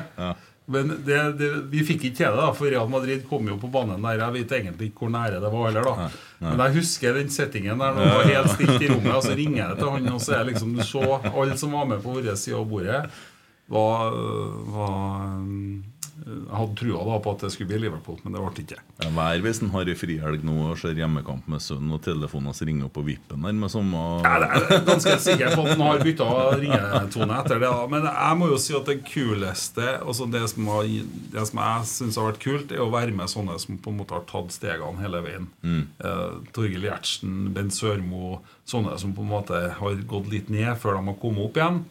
Eh, den her er jo veldig nylig, men Fredrik Sjøvold-casen syns jo jeg er utrolig artig.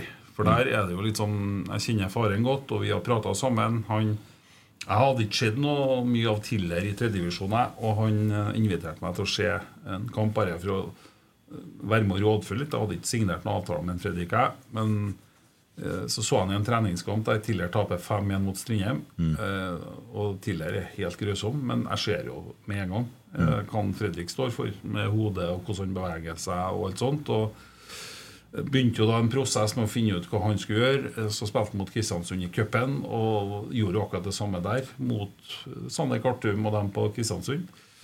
Eh, og Da begynte jo liksom ballen å rulle, og da skjønte de at han her kommer jo til å ta det nesten uansett hvor du slipper den ut på.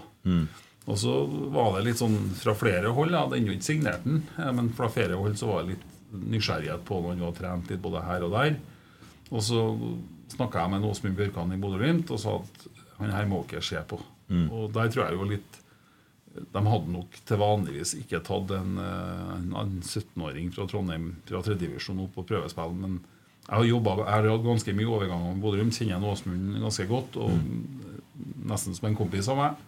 Så det er, ja, men det skal vi gjøre. Altså hvis, du, hvis du virkelig mener det du sier her nå, så er det noe vi må se på. Og så ble det litt sånn rart etterpå, for det er liksom sånn De var litt stille til å begynne med, han har nå vært der og sånn, så tenkte jeg faen, jeg, var det helt skivebom? Men det var jo ikke det, for de på en måte tente jo på alle plugger på at her er det noe. Altså Han har en sånn mentalitet og en, en måte, væremåte da, som gjør at tror han er setter knallharde krav til seg sjøl. Han er på en måte han er ikke noe Maradona ennå, men han har liksom han har noen mentale ferdigheter og en væremåte som gjør at her tror du han blir god. Det er liksom det å se at han blir tatt ut på U20, at han starter kamper i Bodø-Glimt og på en måte fra tredjedivisjon, det, det syns jeg Ja, for han kult. starter kamper nå.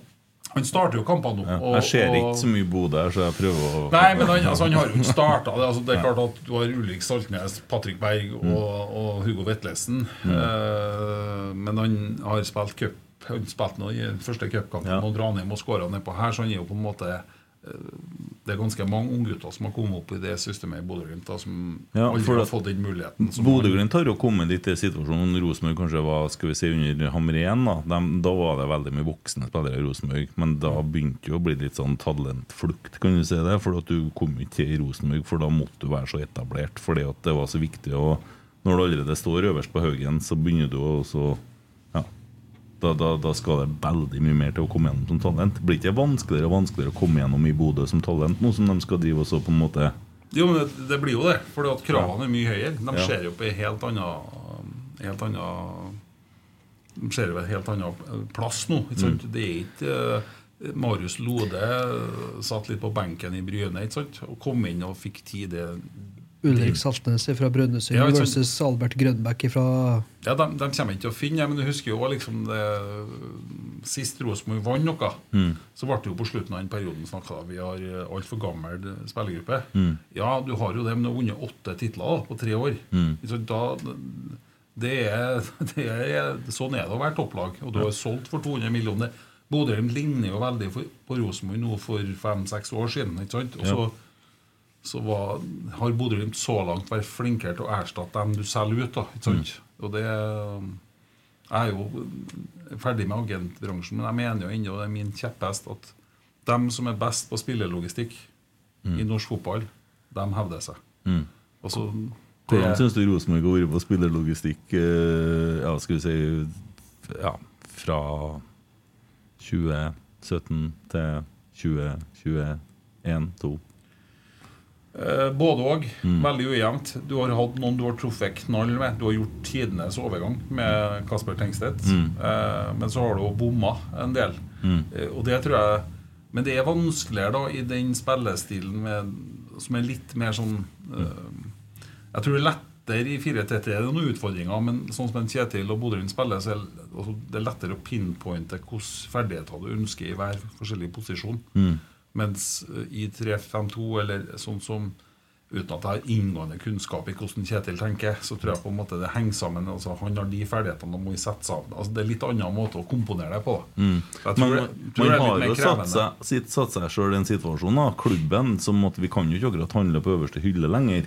Eh, det har jo så det, Vi er ikke i nærheten av de største klubbene i Norden når det kommer til hvor du er oppi der. Har du interesse for en spiller og Bodø-Glimt til Molde eller eh, det danskene henger seg på, så er vi jo ferdig. Da har vi jo ikke sjans. Så nå må du jo se litt sånn annet. Da ender du jo kanskje på ei anna hylle. Jo, men jeg, jeg, da er vi tilbake litt til det vi snakka om i stad. Jeg synes jo at du istedenfor å kjøpe sju spillere til fem millioner stykket, skal kjøpe da tre spillere til 15 millioner. Jeg er helt enig i det. For da har du, da mener jeg heller at du må fylle på med de unge trønderske talentene vi har. Da må du hente da, da, må, da må Olaus være der. Da må, da må du fylle opp med trøndere. Og dem du henter, må gå rett inn i elveren og forsterke. 14.-15. mann i Rosenborg trenger ikke å være islending eller finne. Han kan være trønder. Så må du heller hente Og så er ikke det så enkelt heller. Det, det har jeg erfart sjøl. Og øh, hadde også veldig god dialog med en Stig, og vi jobba mye med å få spillere til Rosenborg. Men klart lønnsnivået i Norge Nå har det tatt seg opp veldig de siste årene, og spesielt i Bodø-Glimt og Molde. Men altså Rosenborg var sjanseløs i forhold til der de var. De ønska opp i Champions League, men de var ikke i nærheten av å konkurrere med de, lag, de tilsvarende lagene i Europa. Betalte jo firegangen av det Rosenborg kunne gjøre. og da Rosenborg har et bra navn i Europa, men ikke så bra at du spiller for en fjerdedel av lønna som du gjør i, andre klubber på samme nivå. Så, så det, Bare, det, bare Niklas Bentner, det som ja, det, og det er noe sånn eh, Og det er jo en sånn overgangssaga som alltid vil bli diskutert i Rosenborg. Liksom, du kom jo inn i Europaligaen og tjente masse penger. Eh, og det var mye pga. Niklas, for at han hadde en, en kompetanse.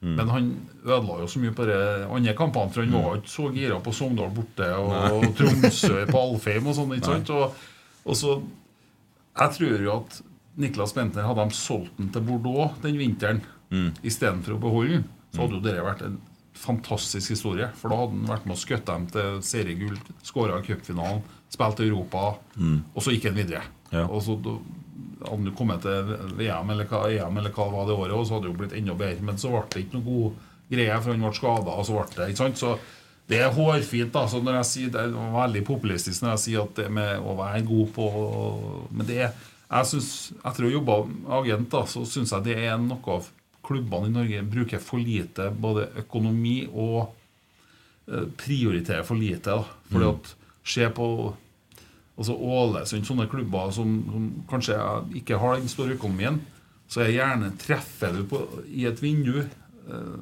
før en sesong, så kan det utgjøre at om du blir nummer fire i Eliteserien, eller du rykker ned. Ja. Sånn, så, liksom, HamKam og Sandefjord syns jeg så ikke noe Jeg fikk ikke noe ståpels av de overgangene jeg så i vinter. Det ser du litt igjen. Mm. Så det, det med spillelogistikk altså Det er mye Mye vanskeligere enn folk tror. For det er mange som spiller footballmanager og tror det er bare å kjøpe og selge og hive dem ut. igjen. Det er ikke sånn. Det er mennesker. Så det er ikke noe enkelt. Men, men sånn, hvis man klarer det, så vil man få en voldsom fordel. Da. Så Eller om han har fått alle pengene etter Kasper Tengstedt å bruke på handelsspillere igjen. Ja, så det hadde vært. Og ikke måttet rydde opp i gammel moro. Fra en som kaller seg for uh, Strekken. Ja. Uh, han har tydelig satt deg som trener. Oi. Jeg husker jo spes uh, godt en del av bortekampen vår i tredjedivisjon mot sånne lag med bare bønder som vokste opp på kraftfôr. Eneste de gjorde, var å pole ball. Vuku, Beistad, vinne osv. Du kalte det for beistaball, og da trente vi dagen før kamp kun på pole ball inn i feltet og krig og slåss. Forberedelse til kamp, hadde du kalt det. Så var det selvfølgelig han som sto for innleggene. Var det for å forberede oss til kamp, eller var det kun for at han kunne få stå og trene dødballfoten sin? Ja, det, det, jeg husker beistaball, ja. Eh, Det her er jo langt tilbake i tid. Så jeg var ikke akkurat noen merittert trener i Malvik FK i tredje divisjon her, da. Eh, Så det, der tror jeg var mye rart. Men eh, det med både det morsomme slå- innleggene Det har jeg fått hørt igjen i ettertid. For vi i Rosenborg hadde en konkurranse som het Kongen. Hver fredag med gutte- og juniorlaget i Rosenborg så kjørte jeg en konkurranse. og det har jeg gjort i mange lag, og det er mange som har vært trenere under meg, som husker den. Og det er jo på en måte en øvelse der det blir legg fra sida. Skårer du, så går du baker. Slipper du inn, så må du stille deg i mål. Mm. når du slipper inn to på rad, så er du ute. Førsten som ryker, er gris, og den som står igjen til slutt, er kongen. da. Så hadde vi trøye, så du trener med den gjennom uka og viser at du er kongen. Ja. Men det er klart når du kjører det her fredag over tid, og du står og slår og jeg, jeg burde jo selvfølgelig ha fått dem som skal slå innleggene, til å stå og slå de eh, innleggene. For jeg fikk jo, var jo på Zappar-nivå, i barfot eh, på sida der jeg sto og slo leggene. Ja. Eh, og det burde jeg jo ikke. Det, det er jo ikke jeg som hadde behov for den treninga. Men jeg husker Beistadvoll, ja. For at, eh, vi møtte jo Rørvik, husker jeg. Flere år med Malvik. Vet du, og ble, uh, er bare uh, Gunnar Heming, gammel legende fra Rørvik. Kjenner Gunnar veldig godt. Ja, Fikk de frispark midt på banen, og han bare la sånn liggeriss sånn i midnattssola som kom inn eh, rett over hodet på stopperne. Det slet vi med hele tida. Vi tapte jo. Følte at vi var best i alle kampene, men tapte jo de bortekampene der bestandig. Ja. Så da, ble, eh, da kom uttrykket uttrykket Ja. Så det jeg, jeg må ta den. Jeg tror en Gunnar har en sønn som er like gammel som dattera mi på Rørvik. Dattera mi på Rørvik, ja. Ja. ja. Det er litt vanskelig å henge med der også. ja, ja, ja. Du har mye døtre, du. ja jeg, har, jeg har seks. How would you like to look five years younger? In a clinical study, people that had volume added with Juvederm Voluma XC in the cheeks perceived themselves as looking five years younger at six months after treatment. Look younger, feel like you. Add volume for lift and contour in the cheeks with Juvederm Voluma XC. Reverse signs of aging by adding volume to smooth laugh lines with Juvederm Volure XC. For important safety information and to find a licensed specialist, visit juvederm.com. That's J U V E D E R M.com. Not for people with severe allergic reactions, allergies to lidocaine, or the proteins used in Juvederm. Common side effects include injection site redness, swelling, pain, tenderness, firmness, lumps, bumps, bruising, discoloration, or itching. There's a risk of unintentional injection into a blood vessel, which can cause vision abnormalities, blindness, stroke, temporary scabs, or scarring. Talk to a licensed specialist to find out if it's right for you. Hey, it's Paige DeSorbo from Giggly Squad. High quality fashion without the price tag. Say hello to Quince. I'm snagging high-end essentials like cozy cashmere sweaters, sleek leather jackets, fine jewelry, and so much more. With Quince being 50 to 80% less than similar brands. And they partner with factories that prioritize safe, ethical, and responsible manufacturing. I love that. Luxury quality within reach. Go to quince.com slash style to get free shipping and 365 day returns on your next order. Quince.com slash style. Even when we're on a budget, we still deserve nice things. Quince is a place to scoop up stunning high-end goods for 50 to 80% less than similar brands. They have buttery soft cashmere sweaters starting at $50, luxurious Italian leather bags, and so much more. Plus, Quince only works with factories that use safe, ethical, and responsible manufacturing. Get the high-end goods you'll love without the high price tag with Quince. Go to quince.com slash style for free shipping and 365-day returns. Eller så lurer en på om du kunne ha sett for deg å bli trener gjerne i tospenn med brutter'n. Nei. Nei. Nei. Jeg, jeg fikk jo prøve meg som uh, trener i Trondheimsølen. Mm. i var det 2015? 2014? Å, ja. 2015. Etter Thomas, kanskje? Eller? Nei, Thomas Dale. Og så, når Thomas ga seg, så fikk vi en Trond Skjølberg fra oh, ja. Bodø. Ja. Uh, og han uh, ble avløst på tidlig høsten, sommeren. Og da, måtte, da hadde vi jo ikke noe penger, selvfølgelig. Da jobba jeg i tillegg til å være markedsansvarlig og sportslig leder i Trondheimsøren, så ble jeg da også trener. Ja, ja, ja. Og jobba jo også fulltid som agent. Ja, ja, of course. Eh, og starta med Jeg tror det var kvartende semifinalen i cupen mot Lillestrøm borte. Tapt 2-1. Eh, men da merka jeg altså Da hadde det har vært en del år uten å ha vært på feltet, og da merker du hvor eh, rusten du blir. da Mm. Og jeg som heller ikke hadde tida til å dedikere meg 100 til det der. Mm. Jeg er jo sikkert den treneren med dårligst track record i toppserien. For jeg tror vi Én seier igjen en over til åtte tap eller noe sånt under meg der. For, ja. så det var ikke noe Men det bare ga meg en litt sånn aha-opplevelse på at det, det er en egen greie det med å være trener, så at uh, dere skal Kåre få ta seg av. Ja. Det blir ikke noe Hva er styrken til Kåre Eh, Som trener, eller som som trener? Ja, det er, altså Kåre er flink med mennesker. Han er flink til å kommunisere. Han er flink, til å, han er flink med folk. Det, det, det, altså det er vanskelig å ikke like en og på en måte stole på noe og bli trygg på. Mm. Så jeg Ja, tror uh, For den ja. serien som gikk uh, Kan Hva heter Vi taper Nei, kan hete Ingen banker RBK. Ingen banker RBK. Uh, fra 2016, tror jeg. Da er det jo en del filming fra garderoben og sånt. Da er det veldig ofte sånn, litt sånn motivasjonstaler og sånn. Vi får ikke se noe taktikk da i den Nei. serien. Jeg vet ikke om det er For det skjønner jeg at det er det jo òg. Men det er veldig mye av den der biten der. Og forholdet med Anders Øyen, som vi har skjønt at en, eh, Kåre er jo veldig glad i Anders. Eh, og, og mye sånn, Men da, da er det liksom mye menneske-Kåre som kommer fram, syns jeg, i den serien. da Eh, Ja, Nå har ikke jeg sett noe mye av den, eh, skal jeg innrømme, da, men jeg, jeg tror jo at Kåre som har en væremåte som gjør at spillerne, nesten uansett hvem han har, har lyst til å gå i krigen for da. At Mm. de, uh, at de ja, Dette brenner dem, for han kommer litt under huden på dem. og de, Jeg tror de blir sett og føler at de blir, blir tatt på alvor. Mm. Det tror jeg er styrken hans. Det er personligheten hans som på en måte er, er, er styrken. Mm. Ja, jeg skulle også spørre deg om eh, du måtte, en gang du måtte velge mellom fotballkamp og russetid.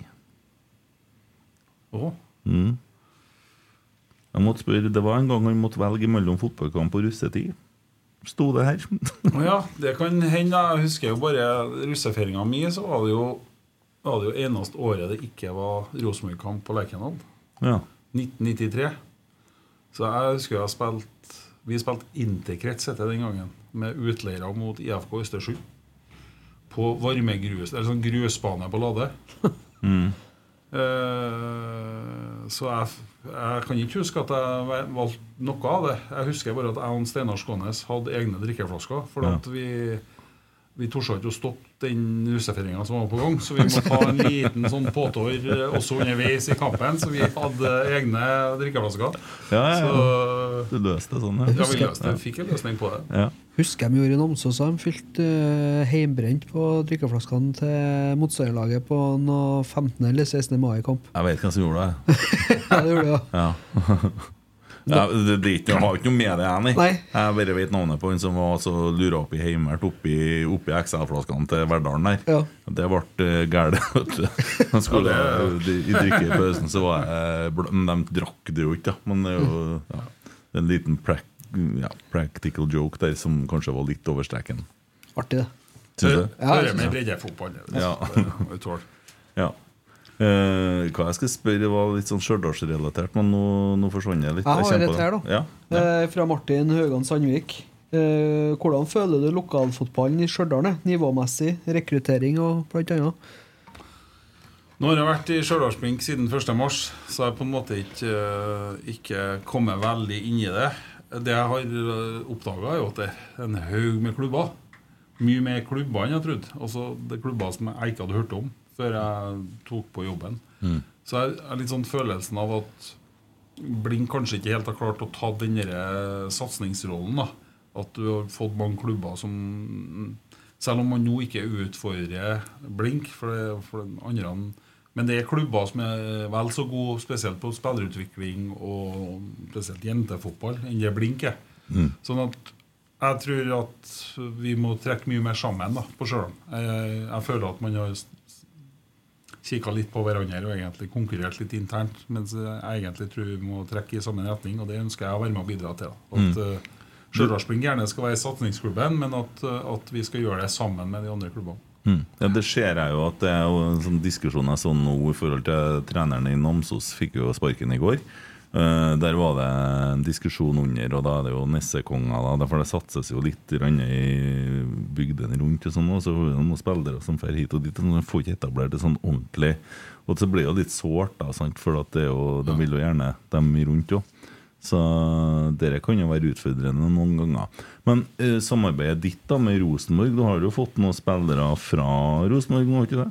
Jo, samarbeidet med Rosenborg er veldig bra. Mm. Eh, God, snakker godt med Christer Basma, selvfølgelig Roar Vikvang, som er stjørdalning, og eh, snakka litt med Roar i hele prosessen. Eh, og I og med at jeg kom inn, så jobber vi med ny sportsplan og alt det der. Og da har jeg hatt møter med Roar og fått full innsikt i hvordan de har jobba. Og på en måte sånn, så, så det har vært en veldig god relasjon. Og så har jeg gode kompiser der. da Både Svein Målen og Roger Naustad eh, Mm. er jo der. Så at eh, den relasjonen er veldig god. Og så lånte vi Jon Magnus Hammerås, som sendte oss videre i cupen mot Ullkisa. Og så har vi sendt en keeper andre veien, da. Ny G17-keeper. i Sander Stokke fra Stjørdalsblink. En veldig spennende keeper som da gikk andre veien. Og, så det, og det har jo jeg veldig trua på. Eh, ikke bare med Blink og Rosenborg, men Ranheim. Altså at vi må snakke samme språk, vi i trøndersk fotball. Vi, Mm. må, vi, må på, vi må jobbe sammen, sånn at spillere ikke og dra til Raufoss eller til, til andre plasser for å utvikle seg. Vi må,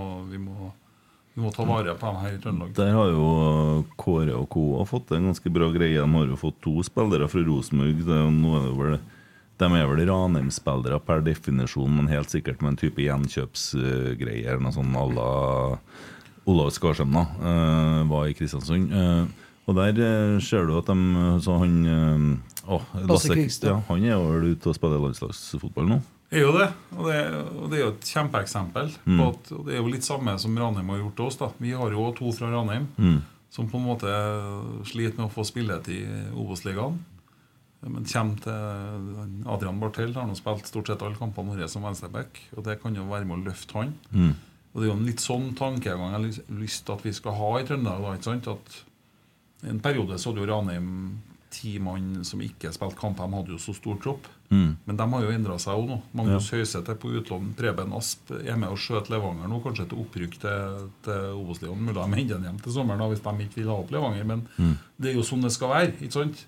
Det, det er utvikling for dem. Så jeg, jeg tror trøndersk fotball blir mye bedre hvis vi snakker sammen. da, Og da, da er det uansett hva vi vil eller ikke, så er det Rosenborg som sitter øverst der. Mm. Men er Ja. dere og Levanger i samme avdeling, eller? Vi er i samme avdeling som Levanger, ja. Levanger, de De er gunna på fra Ja. start. De har gunna på i, fra start 9-0 og helt 23 i målforskjell, eller hva det er? Formasjon spiller de òg? 3-5-2.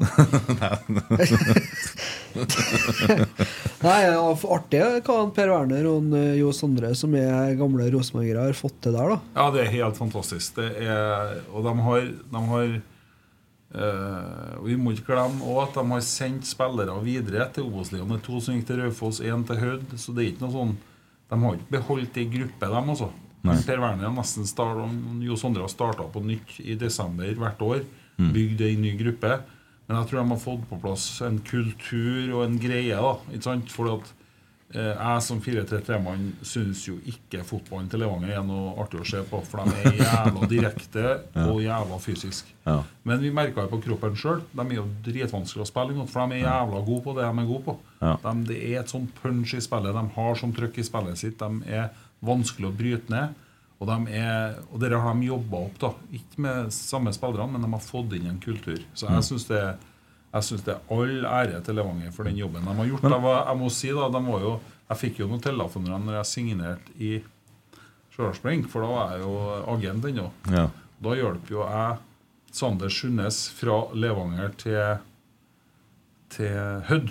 Ja. Og så 14 dager etterpå så signerte jeg i Stjørdalsblink. Og da fikk jeg jo noen sånne meldinger om at å ja, så var derfor du hjalp en sånn? eh, Men liksom da måtte jeg bare si til meg sjøl at jeg har holdt på i trøndersk fotball på dugnad i 20-25 år. Ja. Eh, og det Jeg håper vi slår Levanger hver gang vi møter dem. Mm. Men jeg skal heie på dem i kampen om opprykket, for vi, vi har nok med oss sjøl. Vi, Mm. vi trenger ikke å unne dem noen motgang for at vi skal Ja, for Stjørdal, dere er der nå at dere skal bruke tid og etablere, og så Ja. Vi skal bygge klubb. Ja. Altså Det var en klubb som lå med knokkerygg med dårlig økonomi. Vi skal bygge opp den og bygge plattformer. Og vi har våre egne ambisjoner, og vi skal være ambisiøse, men det er på Mm. litt sikt. Og det skal vi bygge, bygge opp igjen. Og sammen nå nå blir det endelig et trøndersk tredjedivisjonslag som kommer opp i andredivisjon. For jeg håper ikke at både Strindheim, Nardo og Byåsen klarer å rote seg bort. Mm. Og, og det er sånn Rent sportslig, ja, det er utfordrende for Stjørdalsblink, og det kommer opp et lag til som konkurrerer om de samme spillerne. Men for trøndersk fotball så er det knallbra. For det er liksom trapp, trappa blir mye bedre. Og da kommer vi til å bli bedre alle sammen på sikt, så det skal ikke være noe redd for. Nei. Ja, og De siste årene så har det skjedd en endring i avdelingene. der For man har skåret ned litt på antall lag og sånn, eller antall avdelinger i divisjonene.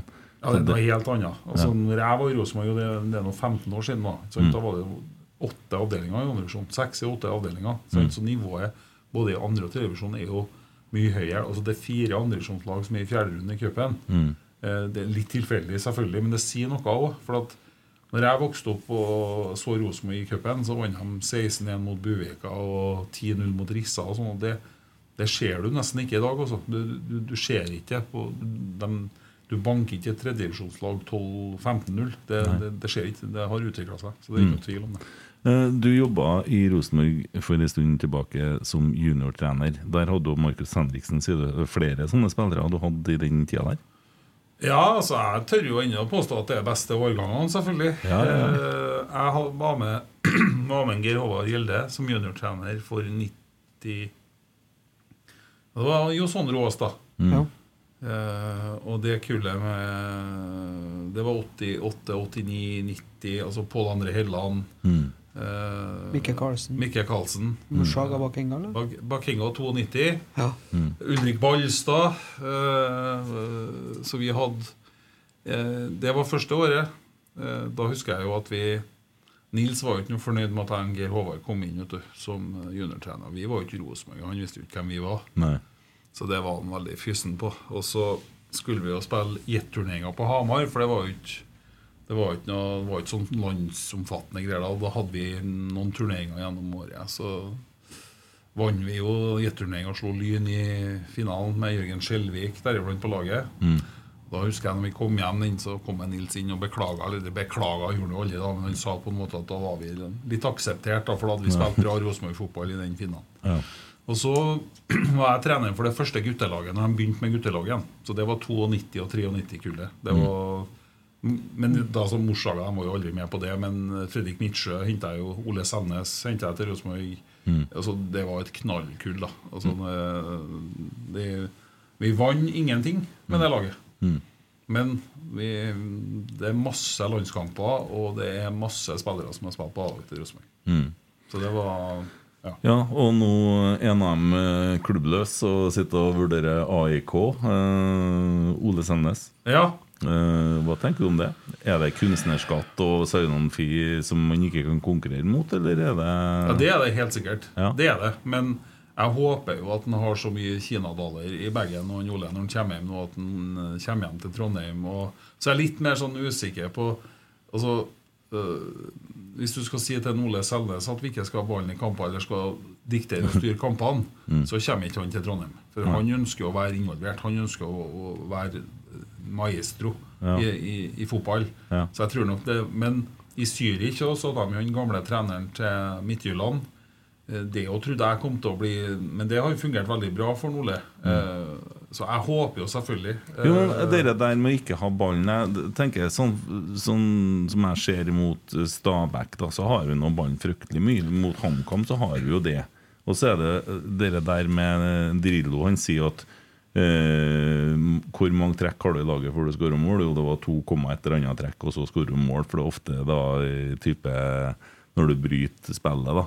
Eh, men jeg har ikke inntrykk av at man ikke vil ha ballen. Nei, altså det, det er litt flåsete sagt av meg, men jeg, jeg er jo på Twitter og ser jo liksom at Kjetil går ut når Roma har vunnet ved en Mourinho. Mm. Så kan jo han tvitre at ja, du trenger ikke å ha For da vinner jo Roma 3-0 med 27% possession. Mm. Det er ikke det som avgjør kampen. Mm. Det er jeg jo enig med han i. Men det med dere uh, Kjetil er ikke noe opptatt Han er ikke noe opptatt av det, Mm. har jeg inntrykk av.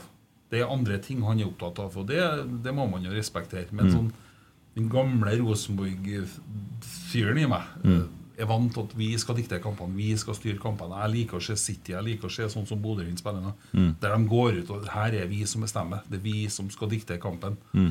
Molde ikke sant? De, I fjor ble de seriemester. De la om litt fra året før. Ble litt mer kontringsorientert. Nå har de henta inn en Berisha. Men nå sliter de, fordi Mm. at lagene leser dem. Nå må de bryte ned lagene. og Det, det, altså hvis en Wolf Eikrem ikke spiller, så sliter de med det, dem òg. Mm. De sliter Heldigvis er egentlig det akkurat det eksempelet. Men, uh... Nei, men det, det er sånn Jo, jo. eh, Jeg, jeg setter det veldig på spissen når jeg sier det. Men Ja. jeg håper ikke jeg skal ha noen grunn til at Ole Jeg håper at en, Ole nå Det er vel det eh, som er, det som er saken, og som man ikke kan gå ut og si høyt. da Og så får man en Ole, så har man plutselig en spiller som gjør at du kan ha ballen mer i laget. Sant? For det er, jo, det, altså, man, det er jo enkelte ting man ikke kan kommunisere høyt fra Rosenborg. også. Man kan jo ikke si at vi er for dårlige. Altså, det, så nå skal ikke jeg sitte og si at man er det, men jeg har ikke inntrykk av at det er et lag som ikke vil ha ballen. Men eh, så, så, sånn som HamKam i fjor, og HamKam-kampen i år på Lerkendal I fjor så ble vi jo pressa av ti mann fra Hamar. Og vi leda 2-1, og vi holdt på, holdt på å miste det. Og de var lynhakke forbanna. I år så står vi på 4-0. Vi prøver å få 5-0, men vi står jævlig høyt. Og vi, da ser det ut som det City-laget mot Real Madrid, egentlig. Står Jeg, så, jeg så ikke jeg skal innrømme, jeg så ikke den eneste kampen jeg har sett Mm. live på Lerkendal i år. Det var hjemme mot Brann. Ja, det Og da syns jeg Ja, Rosenborg det- var god da- i 20 minutter, og så var du egentlig sjanseløs. Ja. Sant? Da ble du spilt Ja, Det var jo helt forferdelig. Og så får man jo springe etter ballen, og det tror jeg ingen som ville. Men, eh, men, Men sånn det som ser jeg man jo på statistikken òg. Ja, sånn som jeg forstår det, så er det det kampen som var mot Lillestrøm i fjor, hjemme. Det, det, det er litt den kampen mot HamKam i år. Altså, ja. Du er jo selvsagt noe fotball, du har jo spill og motspill, og så får du jo noen sånn eh, Så, så Stabæk klarte jo på to forsøk der. Mm.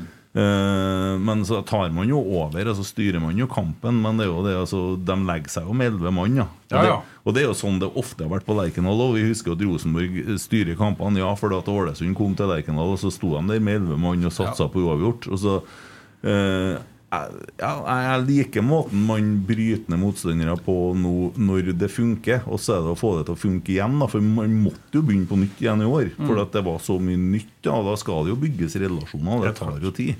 Så, men det blir spennende å se hvordan ting går. Det blir litt kamp til kamp nå. Ja, så håper jeg jo at øh, Vi snakka med Ole, da. Så Mm. håper jeg for jeg er litt Sånn som du sa, jeg tror han kan være litt den boksåpneren som kan være med og kneppe opp dette Rosenborg-laget. Mm. Frigjør jo Carlo på en helt annen måte, da. Han er en vanvittig vinnerskalle. Og så sånn fotballhodemessig så er det beste spilleren jeg har i hvert fall trent. Det er Mm. Ole Sandnes. Hva liksom- tror du, Han har jo spilt veldig lite fotball i to årene. Tror du det påvirker kvaliteten til Ole Sandnes? Nei, det kan, det kan gjøre det, men, men Ole altså, øh, Når han var i Rosenborg og kom opp i A-laget, så var det jo øh, Husker jo både Janne Jønsson og til dels Perry var jo litt opptatt av at han for, var litt forflytta seg litt seint og litt sånne ting. Men Ole tok jo tak i det. Mm. Han jobba på egen hånd utafor. Voldsom dedikasjon til det. Mm. Så, og, og altså, Ole på det beste i de tida han spilte i Rosenborg, det var enormt. Også, ikke sant? Når du hadde han med en Pål på kanta altså liksom det, Mike altså det passa så jævla godt litt. sånn Jonas, Mark Mike og Pål, Ja. og så hadde Ole. Og, ja, ja. Så det, det var altså eh, Han er en sånn kvalitetsspiller som kan gå inn og løfte et lag i Eliteserien eller i AIK, eller men Thomas Berntsen kan ikke hente den. Eh, vil ha han til Stockholm han vet og ha han på Stureplan der. Men det, han må Men AIK komme nest sist i Allsvenskan, er ikke så sexy det der, da. Nei, men Det er en svær klubb. Altså, Ja. Det er en svær klubb, og det er en fin by og det er en fantastisk stadion. Og det, Og det er kunstnerskatt. og det er kunstnerskatt. Eh, så, men hvor mange hytter trenger han Ole nå? Nei, jeg vet ikke. Jeg vet ikke. Nei, nei, jeg håper det, jeg håper han kommer hjem og spiller for Rosenborg. Jeg håper at han gjør det før han på en måte Mens han kan virkelig være med å påvirke det. Mm. Ja. Jeg har sjelden møtt folk sagt Nei, nå har jeg nok penger. Nå skal jeg Det er sjelden det skjer, men noen gang. Ja, det Ja. Kristian Mæland lurer om Kåre er klar for større oppgaver som RBK. Eh, det, det tror jeg ikke. Eh, men eh, treneryrket er nå sånn som det er. Så det er noe, er ferskvare. Mm. Men nå har han Nå tok han jo et steg ut av det når han var i Åsane som sportssjef, og kjente jo fort der på at det er fotballtreneren han har lyst til å være. Nå, nå, altså Veldig harmonisk Kåre som er i Ranheim nå, og får være altså, point guard i en satsing der som skal gå over noen år, forlenga der. Kjøpt seg hus nå og etablere seg i Trondheim med familien for første gang på mange år. Mm. Eh, så jeg tror i hvert fall eh, Rosenborg eh, har noen trener, så det er ikke noe, men eh, jeg tror det skal veldig mye til for at han flytter på seg, i hvert fall. Det, da snakker vi kunstnerskatt, da. Ja, for at jeg hadde en sånn eh, spådom eh, Det var jo litt sånn Kjetil Knutsen til Ajax-snakk her. Eh, nå er jo ikke, det blir vel ikke det nå, så vidt jeg har skjønt. Men det, da er det sannsynligvis en mann har kommet, godt- til å gå etter, og det er Kåre Ingebrigtsen. Og jeg tror Kåre har kommet til å gjort Bodø-Glimt bedre. Ja, det var, var Det er, ikke en, det er ikke en dum tanke. Så, så Hvem skal erstatte en Kjetil Knutsen i Bodø-Glimt? Hvem hadde vært bedre til det enn eh, Det har vært vondt for rosenborgeren, Kent, ja. Ja, ja. Men sett med sånn rent kynisk sett utenfra Det sier seg sjøl at det er han de har kommet til å gå til. Der. Ja, da, det tror jeg er eneste klubben som kunne ha fått fruen til en Kåre om å sagt ja at han skal få gjøre det, i hvert fall. Da. Ja, jeg tror vi flytter. Så tror jeg nok, men eh, Kjetil kommer ikke til å forlate Bodø-Glimt. Eh, Det tror ikke jeg nei, heller. Men hadde han gjort det, så er jeg inne på noe. Ja, det, det kan godt hende, men, eh, men Bodø-Glimt håper jeg og tror nå bygger litt eh, For det er nå litt sånn som vi har det var en gang i historien at Rosenborg jobba litt med Trond Solli, lot den være under Nils. Ikke sant? Hvis man, sånn som Bodø-Glimt, da, når du skal jobbe sånn etter en spillestil, så håper jeg at de tenker litt sånn. Rosenborg burde ha kanskje gjort det på et tidligere tidspunkt. Mm.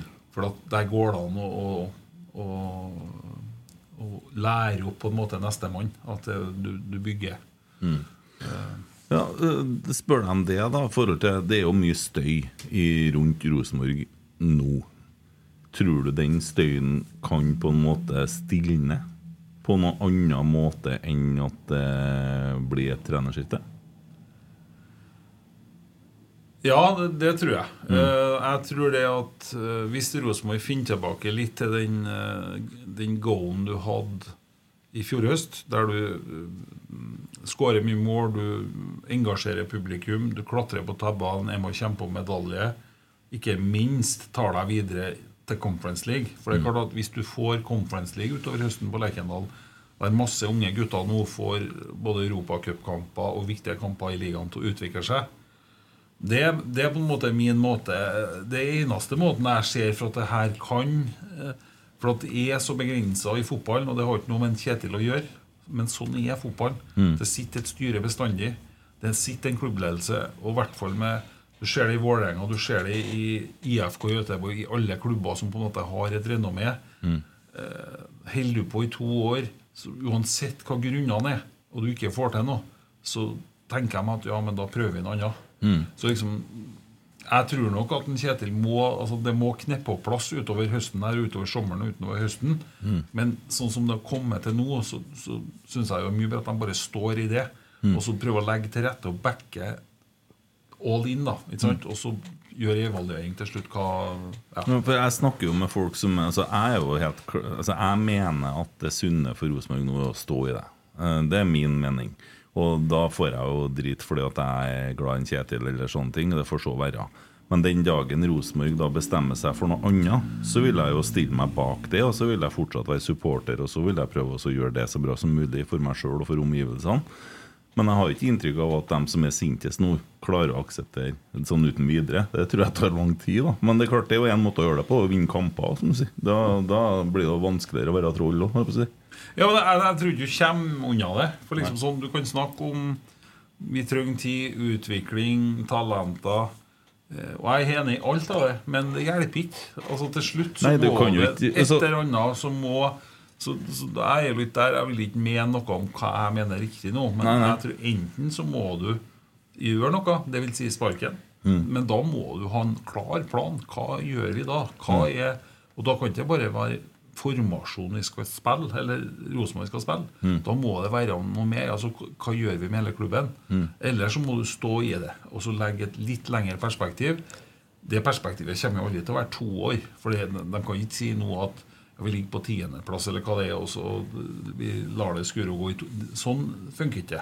Nei, du kan jo ikke sitte og se bak resultatene ned til Obos. Og Nei. sånn. Brann kunne gjøre det, da. Ja. Eh, Brann gjorde jo det og valgte å resette seg sånn, så for all del, det, det for dem. Men Brann er noe helt annet. Altså, Brann vinner jo ingenting. Ja, vant seg en cupfinale nå, men det er altså, Begynner å rakne snart nå, du skal se. Så, Ja. ja, sånn bergensk tradisjon, og så ja, ryr de nedover. Men eh, nei, det er jo fryktelig interessant og veldig vanskelig situasjon det her. Og eh, det, det som jeg er bekymra for oppi her, da, det er jo at når vi ser litt tilbake, så er det en del trenere som har vært nevnt uh, i tiden uh, så litt om par, tre, fire, fem år tilbake. Så er det en del trenere som har vært linka til Rosenborg. Alt fra Kjetil Knutsen til Geir Bakke vet jeg var nevnt en gang, osv. bakover. da Og de tør jo ikke å komme hit. Og årsaken til det kan det like mye Så Én ting er trøkket, det skjønner vi er voldsomt stort på dem som står i det nå. Men det er jo omgivelser, og det er jo Altså Folk blir jo trua med det ene og det andre, og det er så mye stygge kommentarer, og det er så mye forferdelig som serveres. At, eh, d- så hører jo Cecilie i dag, Rasmus og Saga òg. Det, det er jo helt Altså Dette må vi jo slutte med. Vi må jo begynne å oppføre oss snart. Ja, det, det er jeg jo enig i, men jeg tror ikke at eh, Jeg tror ikke noe på at de ikke tør å komme hit. da Fordi at jeg tror uansett hva du snur og vender på så er det drømmejobben til alle trenerne som jobber med fotball i Norge og nesten i Skandinavia, Mm. så er det på Lerkendal her. Men vi klarte ikke å finne trener etter Kåre.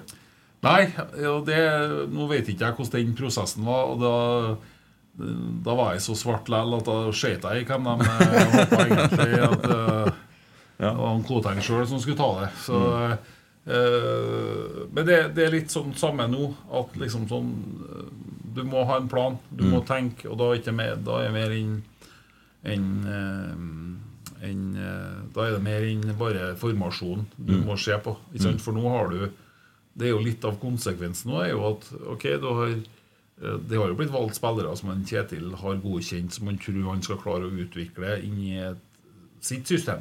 Mm. Og det er klart Hvis du da La oss si nå at du skal hente opp en Svein da for å spille 4-3-3, så er det klart at eh, det jo vil jo ta litt tid igjen. For da er det en ny gruppe. Som, det blir noe helt annet. Han, Kåre sa det litt når han tok over etter en Hugo Pereira i Mm. Ranheim. Eh, De fleste Ranheim-spillerne har jo spilt 4-3-3 mye mer enn de har gjort der, eh, litt annerledes fotballen til Hugo. Men Mm. det tok tid Mm. å få dem tilbake. Altså få snudd. Og i den gjengen i Rosenborg som er nå, så er det ikke noe mange som på en måte har 4-3-3 eller i ryggmargen. Så, det er klart at det, det, det er mye mer kompleks enn bare å bytte et navn. da Men i forhold til det, da. eh, Akademiet nå, de spilte jo nå mot Steinkjer spilte de jo 4-4-2. De har jo spilt 3-5-2, og de spiller 4-3-3. Er det litt altså, i forhold til altså, Og du ser jo eh, gutter 15 og sånn, skjønner jo det at han lille Dorsin Han trenger ikke å spille det han spiller i dag. Eh, For resten av karrieren hans, for de utvikler seg og vokser. og det- Noen blir store og forsvarsspillere, og noen blir Så det, det der er jo det, det, er jo ikke engang sikkert vi vet hva Sverre Nypan er når han er ferdigutvikla fotballspiller ennå. Nei, men jeg, altså grunn, grunn Satt på spissen. Ja, men, satt på spissen Men grunntanken i Rosenborg Akademi ennå er jo 4-3-3. Mm. Så vet jeg jo at Roger Naustdal tenker at når det kommer, hjem, kommer ned A-spillere og spiller toerkamper, f.eks., så må de prøve å tilpasse det sånn at de får nærme seg sine roller. Altså, Mm. Det er jo ikke noe det er jo ikke noe vits at de på A-laget kommer ned og så skal de spille 4-3-3 hvis de helga etter skal spille Mm. eh, Så det, det har jeg litt Men jeg har jo veldig trua på at man skal ha litt samme greiene. Jeg. Mm. Jeg tror at man lærer av det. Eh, og Og det, det er mitt inntrykk at når man henger opp en banner med en klubb uten plan, så er vi litt innpå det nå. At det er det som fremstår veldig planløst, og det er ikke noe sammenheng, det er ikke noe rød tråd i ting. Og at det er noen som ønsker seg en litt mer rød tråd. Eh, for det ser jo litt hulter til bulter ut. Ja, altså, men det, det, som skjer, det som er litt spesielt sett utenfra, er jo at utgangspunktet Hvis du ser på sportsplan og alt sånt, så er jo det 4-3-3 Mm.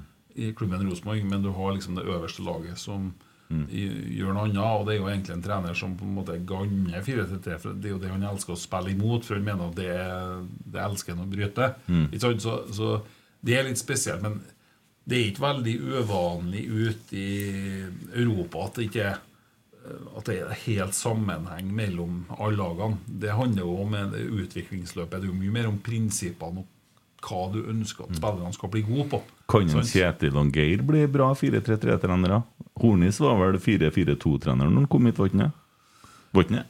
Jo, i Haugesund. Jeg er veldig usikker på Kjetil, for han tror jeg liksom sånn nesten fått det for seg at han ikke skal øh, Ja, men det, er bare sånn, men det er bare litt flåsete sagt av meg. artig å leke med tanken, da. Jo, men altså, Geir og Kjetil har jo vært med på så mye fotball og spilt og trent. Så, det tror jeg helt sikkert de hadde klart å håndtere. Ja. Det er ikke jeg i tvil om. Eh, Men samtidig så må du som trener holde på med det du, det du har mest Jo, jo, of course. of course Det var bare en artig, artig tanke. Og det ble jo litt sånn med Horneland òg. Han la jo om, han, til slutt, Ja, han la om litt, og det, og det, det ble ikke han. Nei. Og så har han brukt litt tid, ikke sant? Uh, og var med en Kåre i, i, i Brann, og det tror jeg faktisk begge to han utvikla seg litt på. Mm. Horneland kom inn med sine styrker i forhold til intensitet, i forhold til trykk, og eh, var jo, var jo litt sånn bikkje på feltet og den der, mens den Kåre var litt mer overordnet og tenkte litt mer det offensive. Men jeg tror òg Horneland på en måte tok til seg litt av det at at men skal vi nå de målene med å være topplag stabilt, så ja, da må vi, vi må lære oss å styre kampene. Vi må litt samme som en Kjetil i, i Bodø-Glimt. Han kom jo inn, var, var ikke noe klassisk 4-3-3-mann, men han hadde med seg noe som var spennende. Det med intensitet og treningsstyr, altså det med trøkkspillet til dem, Mm. som han da for Bodø-Glimt Jeg har jo vokst opp med Bodø-Glimt som et klasse kontringslag, der de lå lavt og hadde raske kanter og den biten der. Mm. Og det var de jo når Kjetil kom òg, men han har på en måte klart å utvikle det. Mm. Nå, skal jeg dra han veldig langt. Uh, Jørgen Klopp i Liverpool. Mm. Jeg syns Liverpool var fantastisk i kontringsspillet i starten under Jürgen Klopp, med de treene på topp som var helt magisk. Men det var jo først når de lærte seg å spille ut lagene som lå lavt, at de vant noe. Mm. Altså, de ble nummer tre og to og ble solgt ut til Europa i kvart og semi.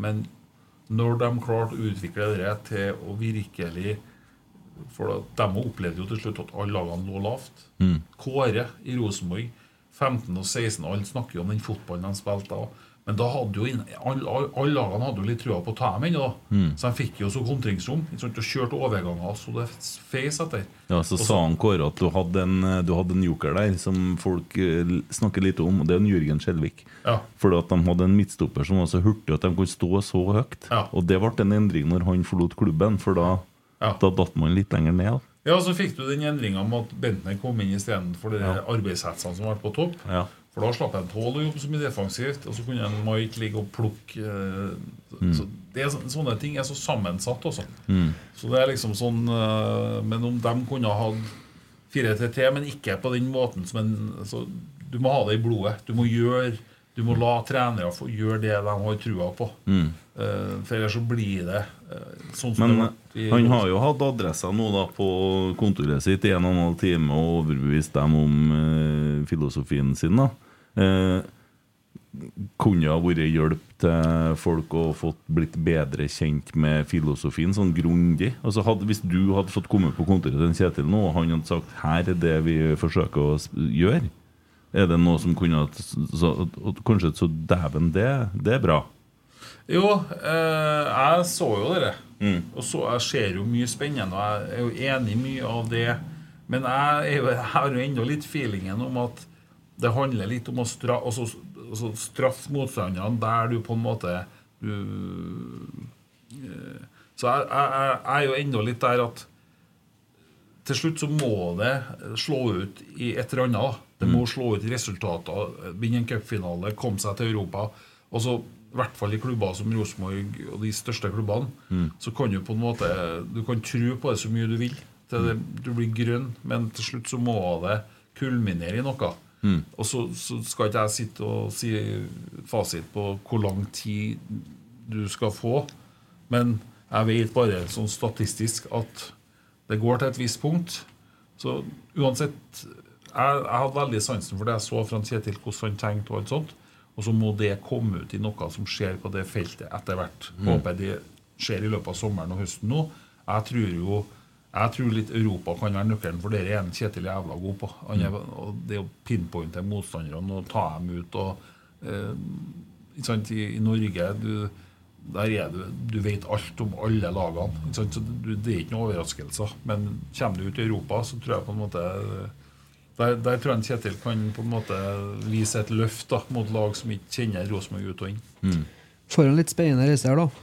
I Europa. For vi er jo sida i dem både i den andre runde som vi kommer inn i, og hvis vi går videre, da, tredje runde. Så får vi jo en litt tøffere playoff. Det er jo ingen uh, tvil om. Men vi kan jo på en måte møte eh, lag i andre kvalifiseringsrunde som heter for B36 Torshavn eller FC Drita. Så det er jo klart at det er jo kanskje Det er fint, vet du. FC Drita har vært fint. Det er Dem har jeg spilt på. og et uh, lag som vi kjenner ja, Spilt godt, du. Spilt spiss. Nei, og Så er det jo noen gamle kjenninger da som uh, Ja, du har uh, FC Luseren, du har eh, NK Domsæle. De har jo møtt før.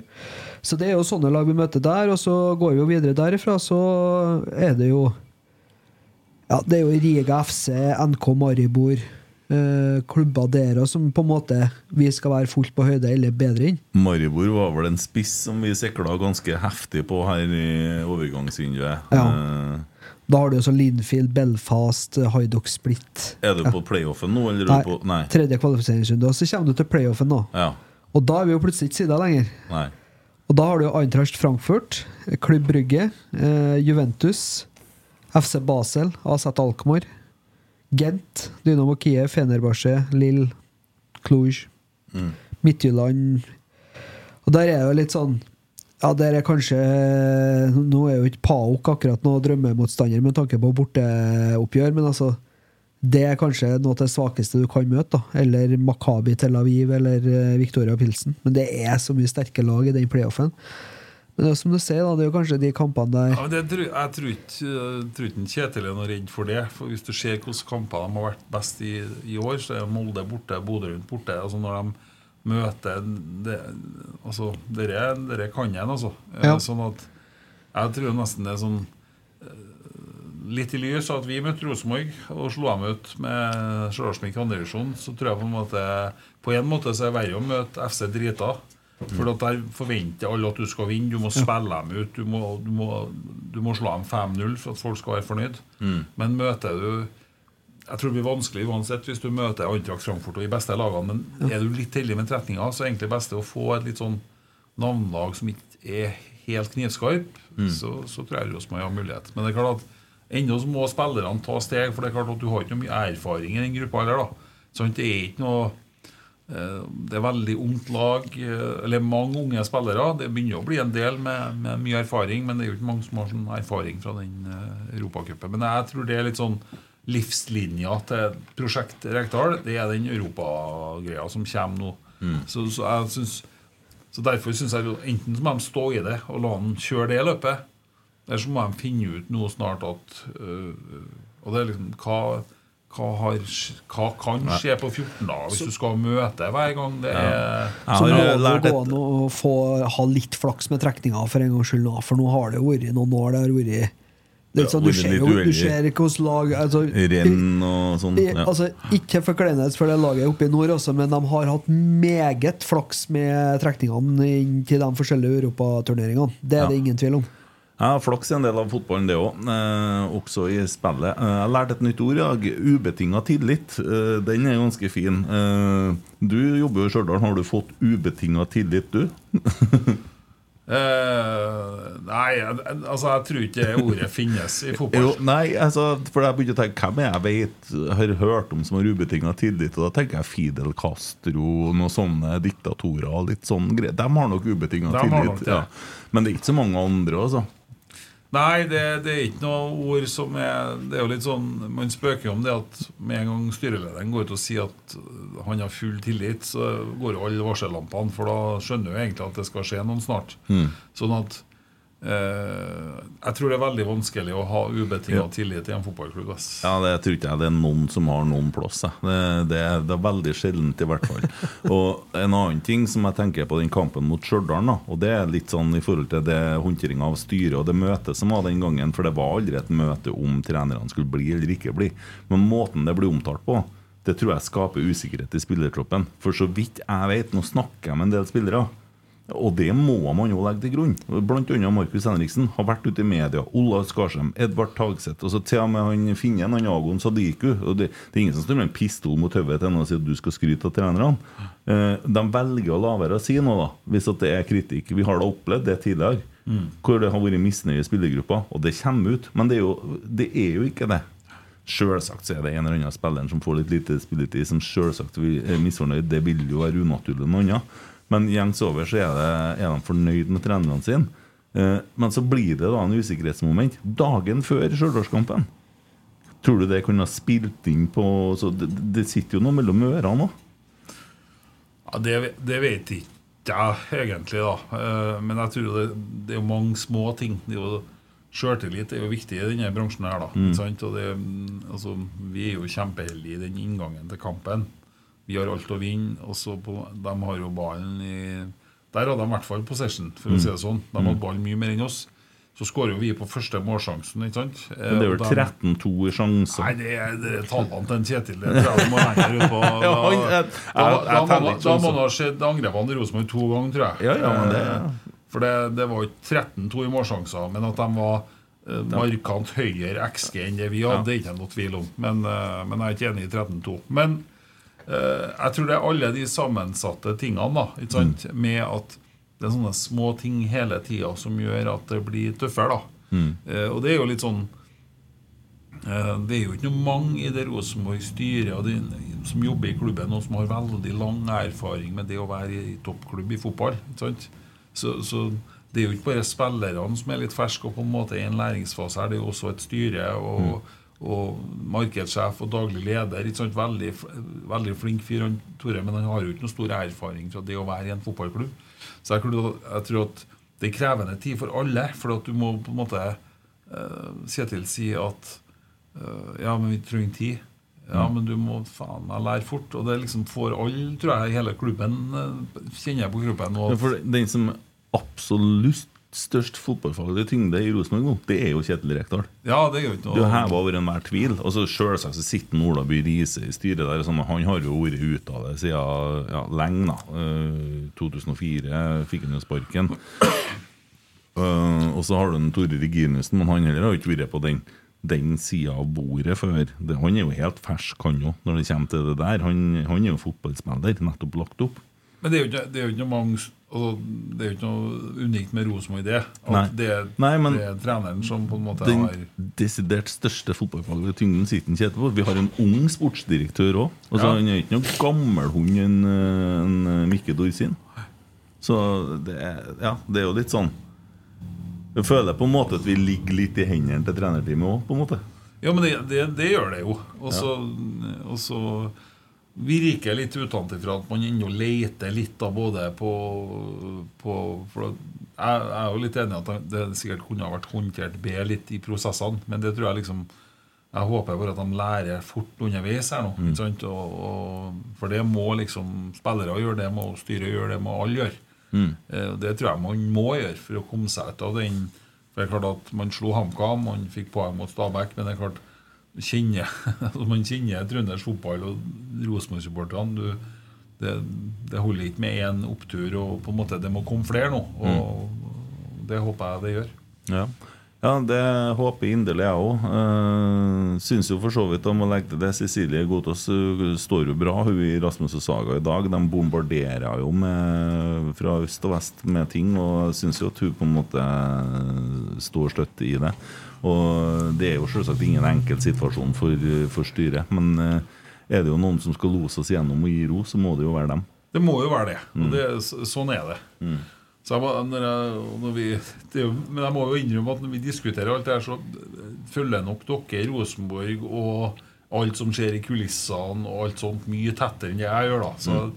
Jeg må bare understreke at jeg synser nok litt fra Jo, utsida. jo, men det er jo fordelen med å sitte i podkaster og bare slenge ut ting, og så får vi kjeft på Twitter etterpå, og så går nå folk inn og hører på det. Så uh, Vi nærmer oss slutten. Jeg skal bare innom en ting som jeg glemte å ta innledningsvis. Den forrige podkastepisoden vår har vi fått en del kritikk for, og det er med rette. Og det tar jeg ansvar for. Eh, vi snakka veldig lite fotball, og det var veldig mye skittprat og veldig mye tull og tøys. Eh, Altfor mye av andre ting.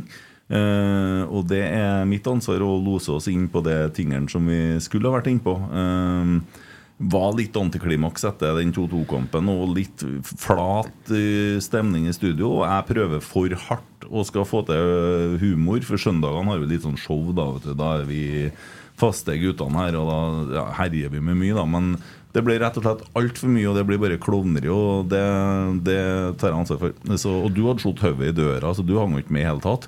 Jeg fikk ikke med meg spørsmålet. Nei.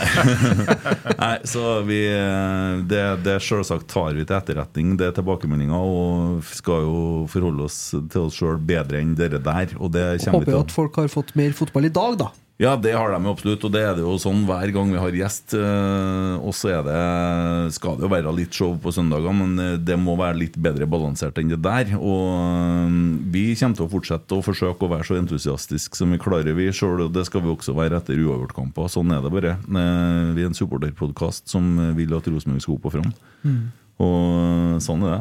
Og prøve å etterleve verdiene. Ja, vi gjør det. Mm.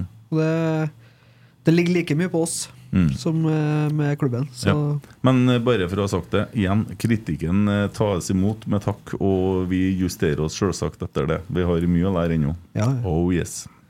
Så det Ja, nei, det her varte da nesten to timer. Ja, det ble det. Ja. Tida går fort vet du, når man snakker om fotball. Ja. Men eh, fornøyelige to timer. Inn og høre trønderfotball. Ja, Ja. det så ofte som vi klarer, da, eh, som eh, aktive sjøl i trønderske fotballen. Så, men eh, eh, alle som brenner for trøndersk fotball, må prøve å følge, følge med på trønderfotballen òg. Mm. Jeg ser deg jo rett som det er på kamper rundt omkring, om det er toerkamp eller om det er på Ranheim. Du er mye rundt og ser litt og sånn. Jo, men man brenner jo for det her. Mm. Altså, jeg sa jo det at jeg har vært med på ganske mye fotball. Eh, ikke at jeg har vært noen trener på sånn høyt nivå og vunnet masse pokaler internasjonalt og sånn, men jeg har vært med på cupfinale ved Trondheimsøren, jeg har vært med ved Rosenborg og eh, fått opplevd mye. Men liksom den uka vi hadde når vi slo ut Rosenborg jeg var litt overraska over sjøl hva det betydde. For du jobber så knallhardt for det, du brenner for det og ser spillerne gjøre det. Mm.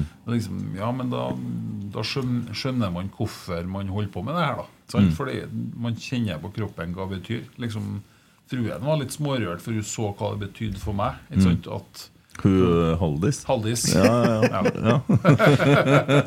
at det ble Haldis ble rørt. Ble stort åttende halvår. Ja, stort. Jo, jo, men det, nei, det er jo bra, det. Og dere har cupkamp mot Vålerenga. Oppfordrer alle til å feire altså støtte Stjørdals-Blink mot Vålerenga. Ja, det, det må, må vi oppfordre alle eh, å komme og se oss. Vi, vi, var jo, vi satte jo ny publikumsrekord mot Rosenborg. Eh, det hadde egentlig vært fint om den hadde stått. da Bare, Den har vært litt høyere. Men jeg, jeg tror faktisk vi skal klare Vi, vi hadde solgt en eh, 400-500 billetter etter en halvtime når salget åpna i dag, så jeg er ganske sikker på at vi skal slå den. Så Er det plass til mange? ja, det, det er vi litt usikre på sjøl òg.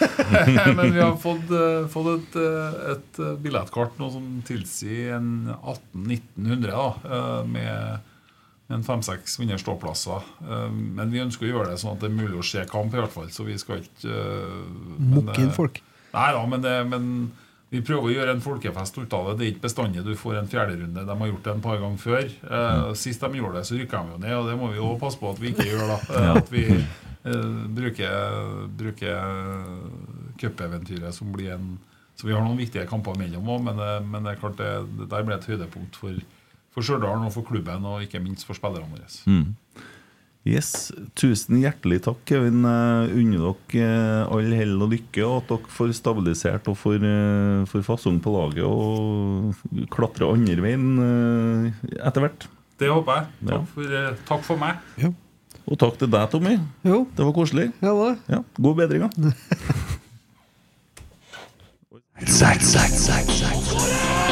Oi, oi, oi,